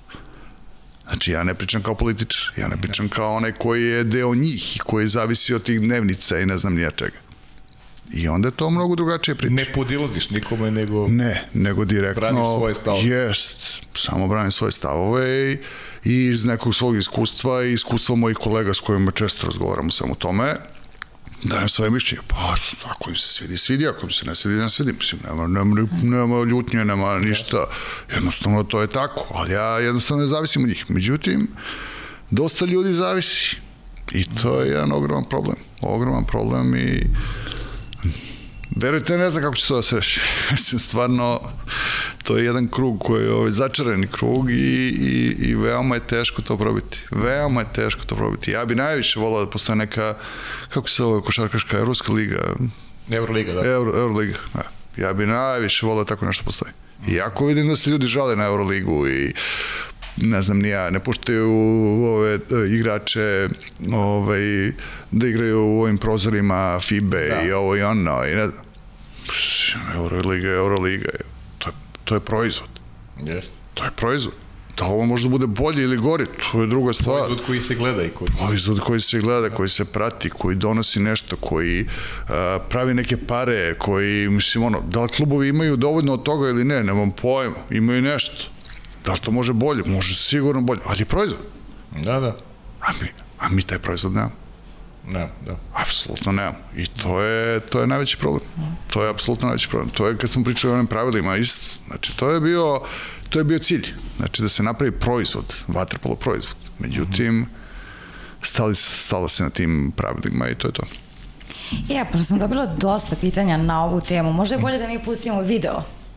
Hm? Opa, ajde. Dragane, šta je teže biti, golman ili trener? I zašto trener? I zašto trener? trener. da, Jug, Jug je ovaj... trener Juga, naravno. Juga ja znam, naravno, zašto je pitao. Naravno. A zašto? Zašto? Zato što ništa ne zavisi od tebe kad uđe u vodu, kad uđe u utakmicu. Zato, da. zato. Dobro, jasno. A, Jasmin Halilović pita kako si se osjećao kao kapitan Crvene zvezde. Prelepo. Prelepo, ovaj, stvarno stvarno lepo osjećaj, znaš, kad si kapitan bilo kog tima je, je stvarno, stvarno lepo osjećaj, ali to su, to su lepa vremena, to su lepa vremena. Zvezda je meni mnogo pomogla u, u, u životu, jer ovaj, to je bio jedan onako, uh, težak period bombardovanja i svega toga. Ja sam bio u vojsci i oni su stvarno založili za mene, stvarno neverovatno. Ove, neke stvari koje ja u životu neću zaboraviti. Uh -huh. A, I zahvalan sam na tome i, i nadam se da sam se odužio svojim igrama za, za zvezdu i dalje i dalje ovaj, sa, sa, sa, sa ljudima iz Zvezde sam u kontaktu uh, mislim prijemi eto prijemi i pomagaće kako god bude mogao i kad bude mogao. Sjajno. E, kaži mi, evo, pozdrav Sandija Mertelja, rekao ste bivšeg reprezentativca Slovenije, on ima da. par pitanja, kaže, koje su po njemu najveći razlike između vatopola pre 20 30 godina i sada. To je opet se nadovezujemo i na ta nova pravila. Pa brzina, sigurno snaga. Uh mhm. -huh. Ovaj, e, Pa taj odnos isto centri back, o čemu smo malo, back, da, što, o čemu smo malo pre, malo pre pričali, to je došlo do nekog nivoa ludila. Mislim, mm -hmm. više se ne zna ne zna se šta je, ne zna se šta se dešava, to su jedan drugom na glavi i to može se svira i na jednu stranu i na drugu stranu. To ranije nije bilo baš tako. stvarno nije bilo tako. Ovaj, tako da mislim da su to, to najveće, najveće razlike ovaj, u vaterpolu. Uh -huh. A, pitanje od naše Aleksandre, linija između hokeja i vaterpola izgleda tanka, barem u njegovom slučaju. Da li je istina da ide trpa iz hokeja? Pa sigurno ne samo iz hokeja, nego iz, iz svih sportova, ali hokej je, ja sam, ja sam radio neke analize, hokej je veoma, veoma, veoma sličan, možda i najsličniji, najpribližniji sport vaterpolu. -huh. uh, i ovaj, sigurno da ima, sigurno mogu ideje da se pokupe iz, iz hokeja, on je brz. Ja, mislim, volim da gledam uživo na televiziji. Gledaš ja? Gledaš? idem ponekad da, Aha. idem ovaj, Uh, uživo volim da gledam. Na televiziji mi je kompletno drugi, drugi utisak, yes. tako da, znaš, nije to, nije to to, ali sigurno da, apsolutno, iz basketa, iz, iz košarke, iz NBA-a, mislim, ima, ima, ima dosta sportova sa kojima možemo da se poredimo i iz kojih može da se ukradu ideje. Mm -hmm. Znaš koliko ti zavodim što gledaš Flamese uživo? Baš ti savjet. A samo da ne bude sa onog trećeg nivoa gore, taj, skroz na vrhu. a obično sa taj film sebi moram jednom da omogućim, definitivno. Dobro došao si. Hvala ti. Hoćeš ti? ili ja? Može, može ti. A, šta može Srbija u Tokiju? pa Srbija u Tokiju može apsolutno sve. Znači, apsolutno sve. I to je ono što me plaši. Mislim da može i ovaj do vrha, a mislim da može i do ponoža. Uh mhm. -huh. Grupa je neverovatno jaka. Da. Neverovatno jaka. Mada i ova druga grupa nije, uopšte nije za pocinjivanje. Nije, ali, ali ova, uopšte. grupa je ući među četiri je već rezultat. Jest, jeste, slažem se. Međutim, i ova druga grupa, kad pogledaš, ima i tri evropska predstavnika i jedan van Evrope, znači Australija, Australija ovamo na, na našoj strani, eh, Amerika na ovoj drugoj strani. Uh mhm. -huh. ovaj, tako da četiri ekipe su potpuno iste, sa jedne i s druge strane. Da. Jedno što vama imaš jednu evropsku, ali sa druge strane u drugoj grupi imaš eh, Japan kod kući, koji mhm. ni malo neće biti lagan. Apsolutno ni malo. Tako da, da su obe grupe veoma, veoma, veoma, veoma delikatne. E, ono što mene plaši, baš sam pričao sa, sa Dekin Savićem pre neki dan, e, ono što mene plaši je e, i što nije bio e, nije bio slučaj ranije. Ta jaka grupa vuče drugačiji pristup priprema i e, temperiranje forme. Uh -huh. Uh, oni moraju da se spreme i da formu tempiraju za prvu utakmicu. Uh mhm. -huh. Da bi bili sigurni da prođu, da će proći grupu. Ako, ako temperaš formu za prvu utakmicu, ti u drugoj nedelji padaš. A to nije bio ranji slučaj. Tako da je, to je veoma delikatno. Ako Dejan bude uspeo da nađe rešenje za to, mislim da ide u dobrom pravcu koliko smo razgovarali, ima neke veoma, veoma dobre ideje a, mislim da će biti okej. Okay. Mislim da će biti okej. Okay. Međutim, a, neće biti, a, mislim, a, baš će biti, baš će biti teško. Baš mm -hmm. teško. E, koja tri golmana su bila najbolji u svetu pre 2000, 2000. godine i koja tri posle toga? Ne moraš da pojašnjavaš. Ili izdvoji manje, ne moraš trojicu. Pa ne, pa mislim pre 2000. godine ajde kažemo, bio je ovaj Tempesti, bio je Maksimov iz Rusije, uh -huh. uh, ne znam da je Vićen tad branio, mislim da nije branio Vićen. Ne, nije on branio. Ne znam ko je branio za Hrvate, ne mogu se setim. Uh -huh. ovaj, posle 2000 godine, posigurno Šefik je ovaj, od najboljih uh, uh, ja iz nekog razloga volim ovog Mađara Nađi iz nekog razloga volim. Da. Ovaj, onako je, ne, ne mrziš, ima... Ne mrziš. Da, ne mrzim ga toliko. da, mrzim ga toliko, da. uh, mislim da ima neku energiju, znaš. Aha. Uh, Pavić, sigurno posle 2000, Pavić, da. da. Pavić je, stvarno je, stvarno je odličan. Pa eto, to je otprilike. Dobro. A, da li ti je žao što nisi gradio karijeru u Evropi i mislim na klubsku konkurenciju? Nis, nije mi žao ni, ni sekunde. Meni to jedan od razloga što ja nisam otišao u inostranstvo, ovaj, što nisam otišao, što nisam igrao u Evropi je baš taj, što uh, ajde kažem nekako te 97. godine se stvari nisu poklopile. Uh, ja sam trebao da odem u inostranstvo 97. godine, međutim, to je propalo i bilo je kako je bilo. Uh, međutim, posle toga baš sam uh, ciljano išao ovaj, da se ocelimo negde van Evrope. Jer znam šta je Evropa, znam koliko je teško u Evropi, znam koliko kratko traje sportska karijera i to mi nije bio cilj. Meni je bio cilj samo da, da igram, nego mi je bio cilj da napravim neku veću karijeru i da, i da ostanem duži period ovaj, van zemlje. Uh, meni su bile opcije Amerika i Australija. Stvari, Australija je bila prva opcija, pa je onda još 99. godine i onda je to zakasnilo se za nekih mesec dana. Uh -huh. Tako da sam morao da čekam godinu dana i u tih godinu dana su kanadjani uletali i, uh -huh. i dogovor je napravljen i, i eto tako se desilo. Inače, ja o Kanadi nisam razmišljao uopšte.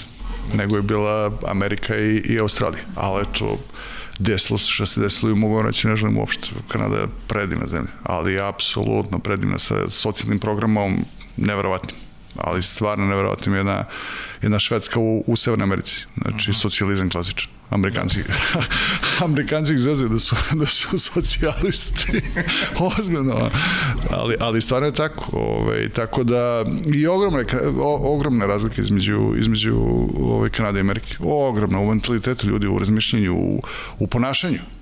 To ne može da se, da se meri, ali stvarno ne može, ne može da se meri. Tako da za, za porodicu nijednog trenutka mi nije, nije bilo krivo. Uh mhm, -huh. To mi ćemo na kraju. Ko igrač imao najnezgodniji šut, a koga je, za koga je znao napred gde će da šutira? Sandro. Uh, najnezgodniji? Pa sigurno da je Kašaš, na primjer, imao, imao veoma nezgodan. Uh -huh. Ali, o... Dokazao ti je to u Sivilju. Da, da, da, da, da. Uh, bio je naš igrač, Belo Zimanjić. Uh mhm. -huh on mi onako baš mi nije ležao. A mislim da ni jednom jednom golmanu nije ležao, a mislim da ni samo sebi nije ležao. Nadam se će jednom da nam, da će jednom da nam ispriča ovde. Ovaj. Da. Čekamo ga već da. duže vreme da se pojavi. Da. A koje mi je ležao? Pa nemam pojma, evo malo pre kad sam pričao da se vidi, znaš, ovaj, sjetio sam se Postiljone se setio. A, Postiljone. Hm. Da. I tih utakmica se vidi, to je bilo, ne znam, mi smo vodili 4-1 do dva minuta do kraja, tako nešto. Pa smo onda se praktično upustili, pa su oni dali dva, još dva gola. Ali je interesantno da u Koreji 2019. na svetskom prvenstvu smo se videli i otišli na ručak i on je bio tamo sa sinom. I tako pričali malo i on mi kaže ovaj, nešto onako u tom stilu razvalio se me kao ono i ono se vidi. Kaže, on neće u životu, u životu zaboraviti. A ja sam tačno znao, znači, kako, kako udahne, ja znam da, da ide lopta. Ja sam pogledao jedno 8 miliona šuteva njegovih i analizirao i tako dalje, tako dalje, znaš. Tako da, eto, neka bude on. Dobro. E, sledeći poslovni potes. Uf, pa to ne mogu da... Ovaj... Otkrivam. Pa to ne mogu da otkrivam, ali evo, baš sam danas imao, pre ovog podcasta sam imao ovaj, završene razgovore sa, sa budućim partnerima. Tako da, ovaj, ajde da ostavimo to za, za neki drugi put, pošto će ovaj, biti uzvaničeno sledeće nedelje. e, da ne zaboravim, Nikola Rađen ti pozdravio i tražio komentar o kampu. O, hvala puno, hvala puno, da. nisam ga video, ovaj, stvarno ga nisam video dosta dugo. Komentar u kampu, pa da, mislim, vidio sam na, na socijalnim medijima, uh mhm. -huh. to sam video i vidim da, da stvarno rade, stvarno fino rade. Uh, ono što bi volao i uvek ima prostora da se, ovaj, da se nađemo na kafi i da razgovaramo o, o saradnji, jer to je uvek, uh, uvek opcija kod mene. Tako da. da, Nikola, ako budeš gledao i kad budeš gledao, javi mi se slobodno. Ovaj, Mislim pa da hoće da, Nikola, Nikola je... Sigurno da hoće, naravno da aktivan hoće. Aktivan je, na svim putima. Naravno, naravno. Vidio sam ga na banjici, ovaj, kad se gledali Partizan Zvezda, samo što je on bio na klupi, a na tribinama. Da, da, dobro, dobro. A, životni i sportski moto? Životni i sportski moto? Pa ne znam da sam ja čovek tih mota, nemam pojma. Uh, Pa nekako ono, bez straha samo napred. samo gledanje u, u budućnost, to ono ko što sam rekao na, na početku, stvarno ne gledamo u prošlosti, ovo mi je malo bilo, ovaj, kad smo se vraćali na, na tu prošlost, ja stvarno se toga ne sećam, stvarno se ne sećam pa tih verujem stvari uopšte, niti me verujem. to nešto mnogo interesuje, ovaj, tako da, eto, samo, samo ovaj, gledanje u budućnost. Ja bi, to je Možeš ovo, to. da, pa možemo ovo za kraj od E, tvoje. onda za kraj ja najviše volim da spomenem porodicu, zato što je porodica, ja mislim, glavna motivacija i osnov svega, tako da imamo još suprugu Sandru, sina, čerku, evo da ih pozdravim ovom prilikom. Je li neko nasledio volju za sportom, to jest eh, talenat za sport?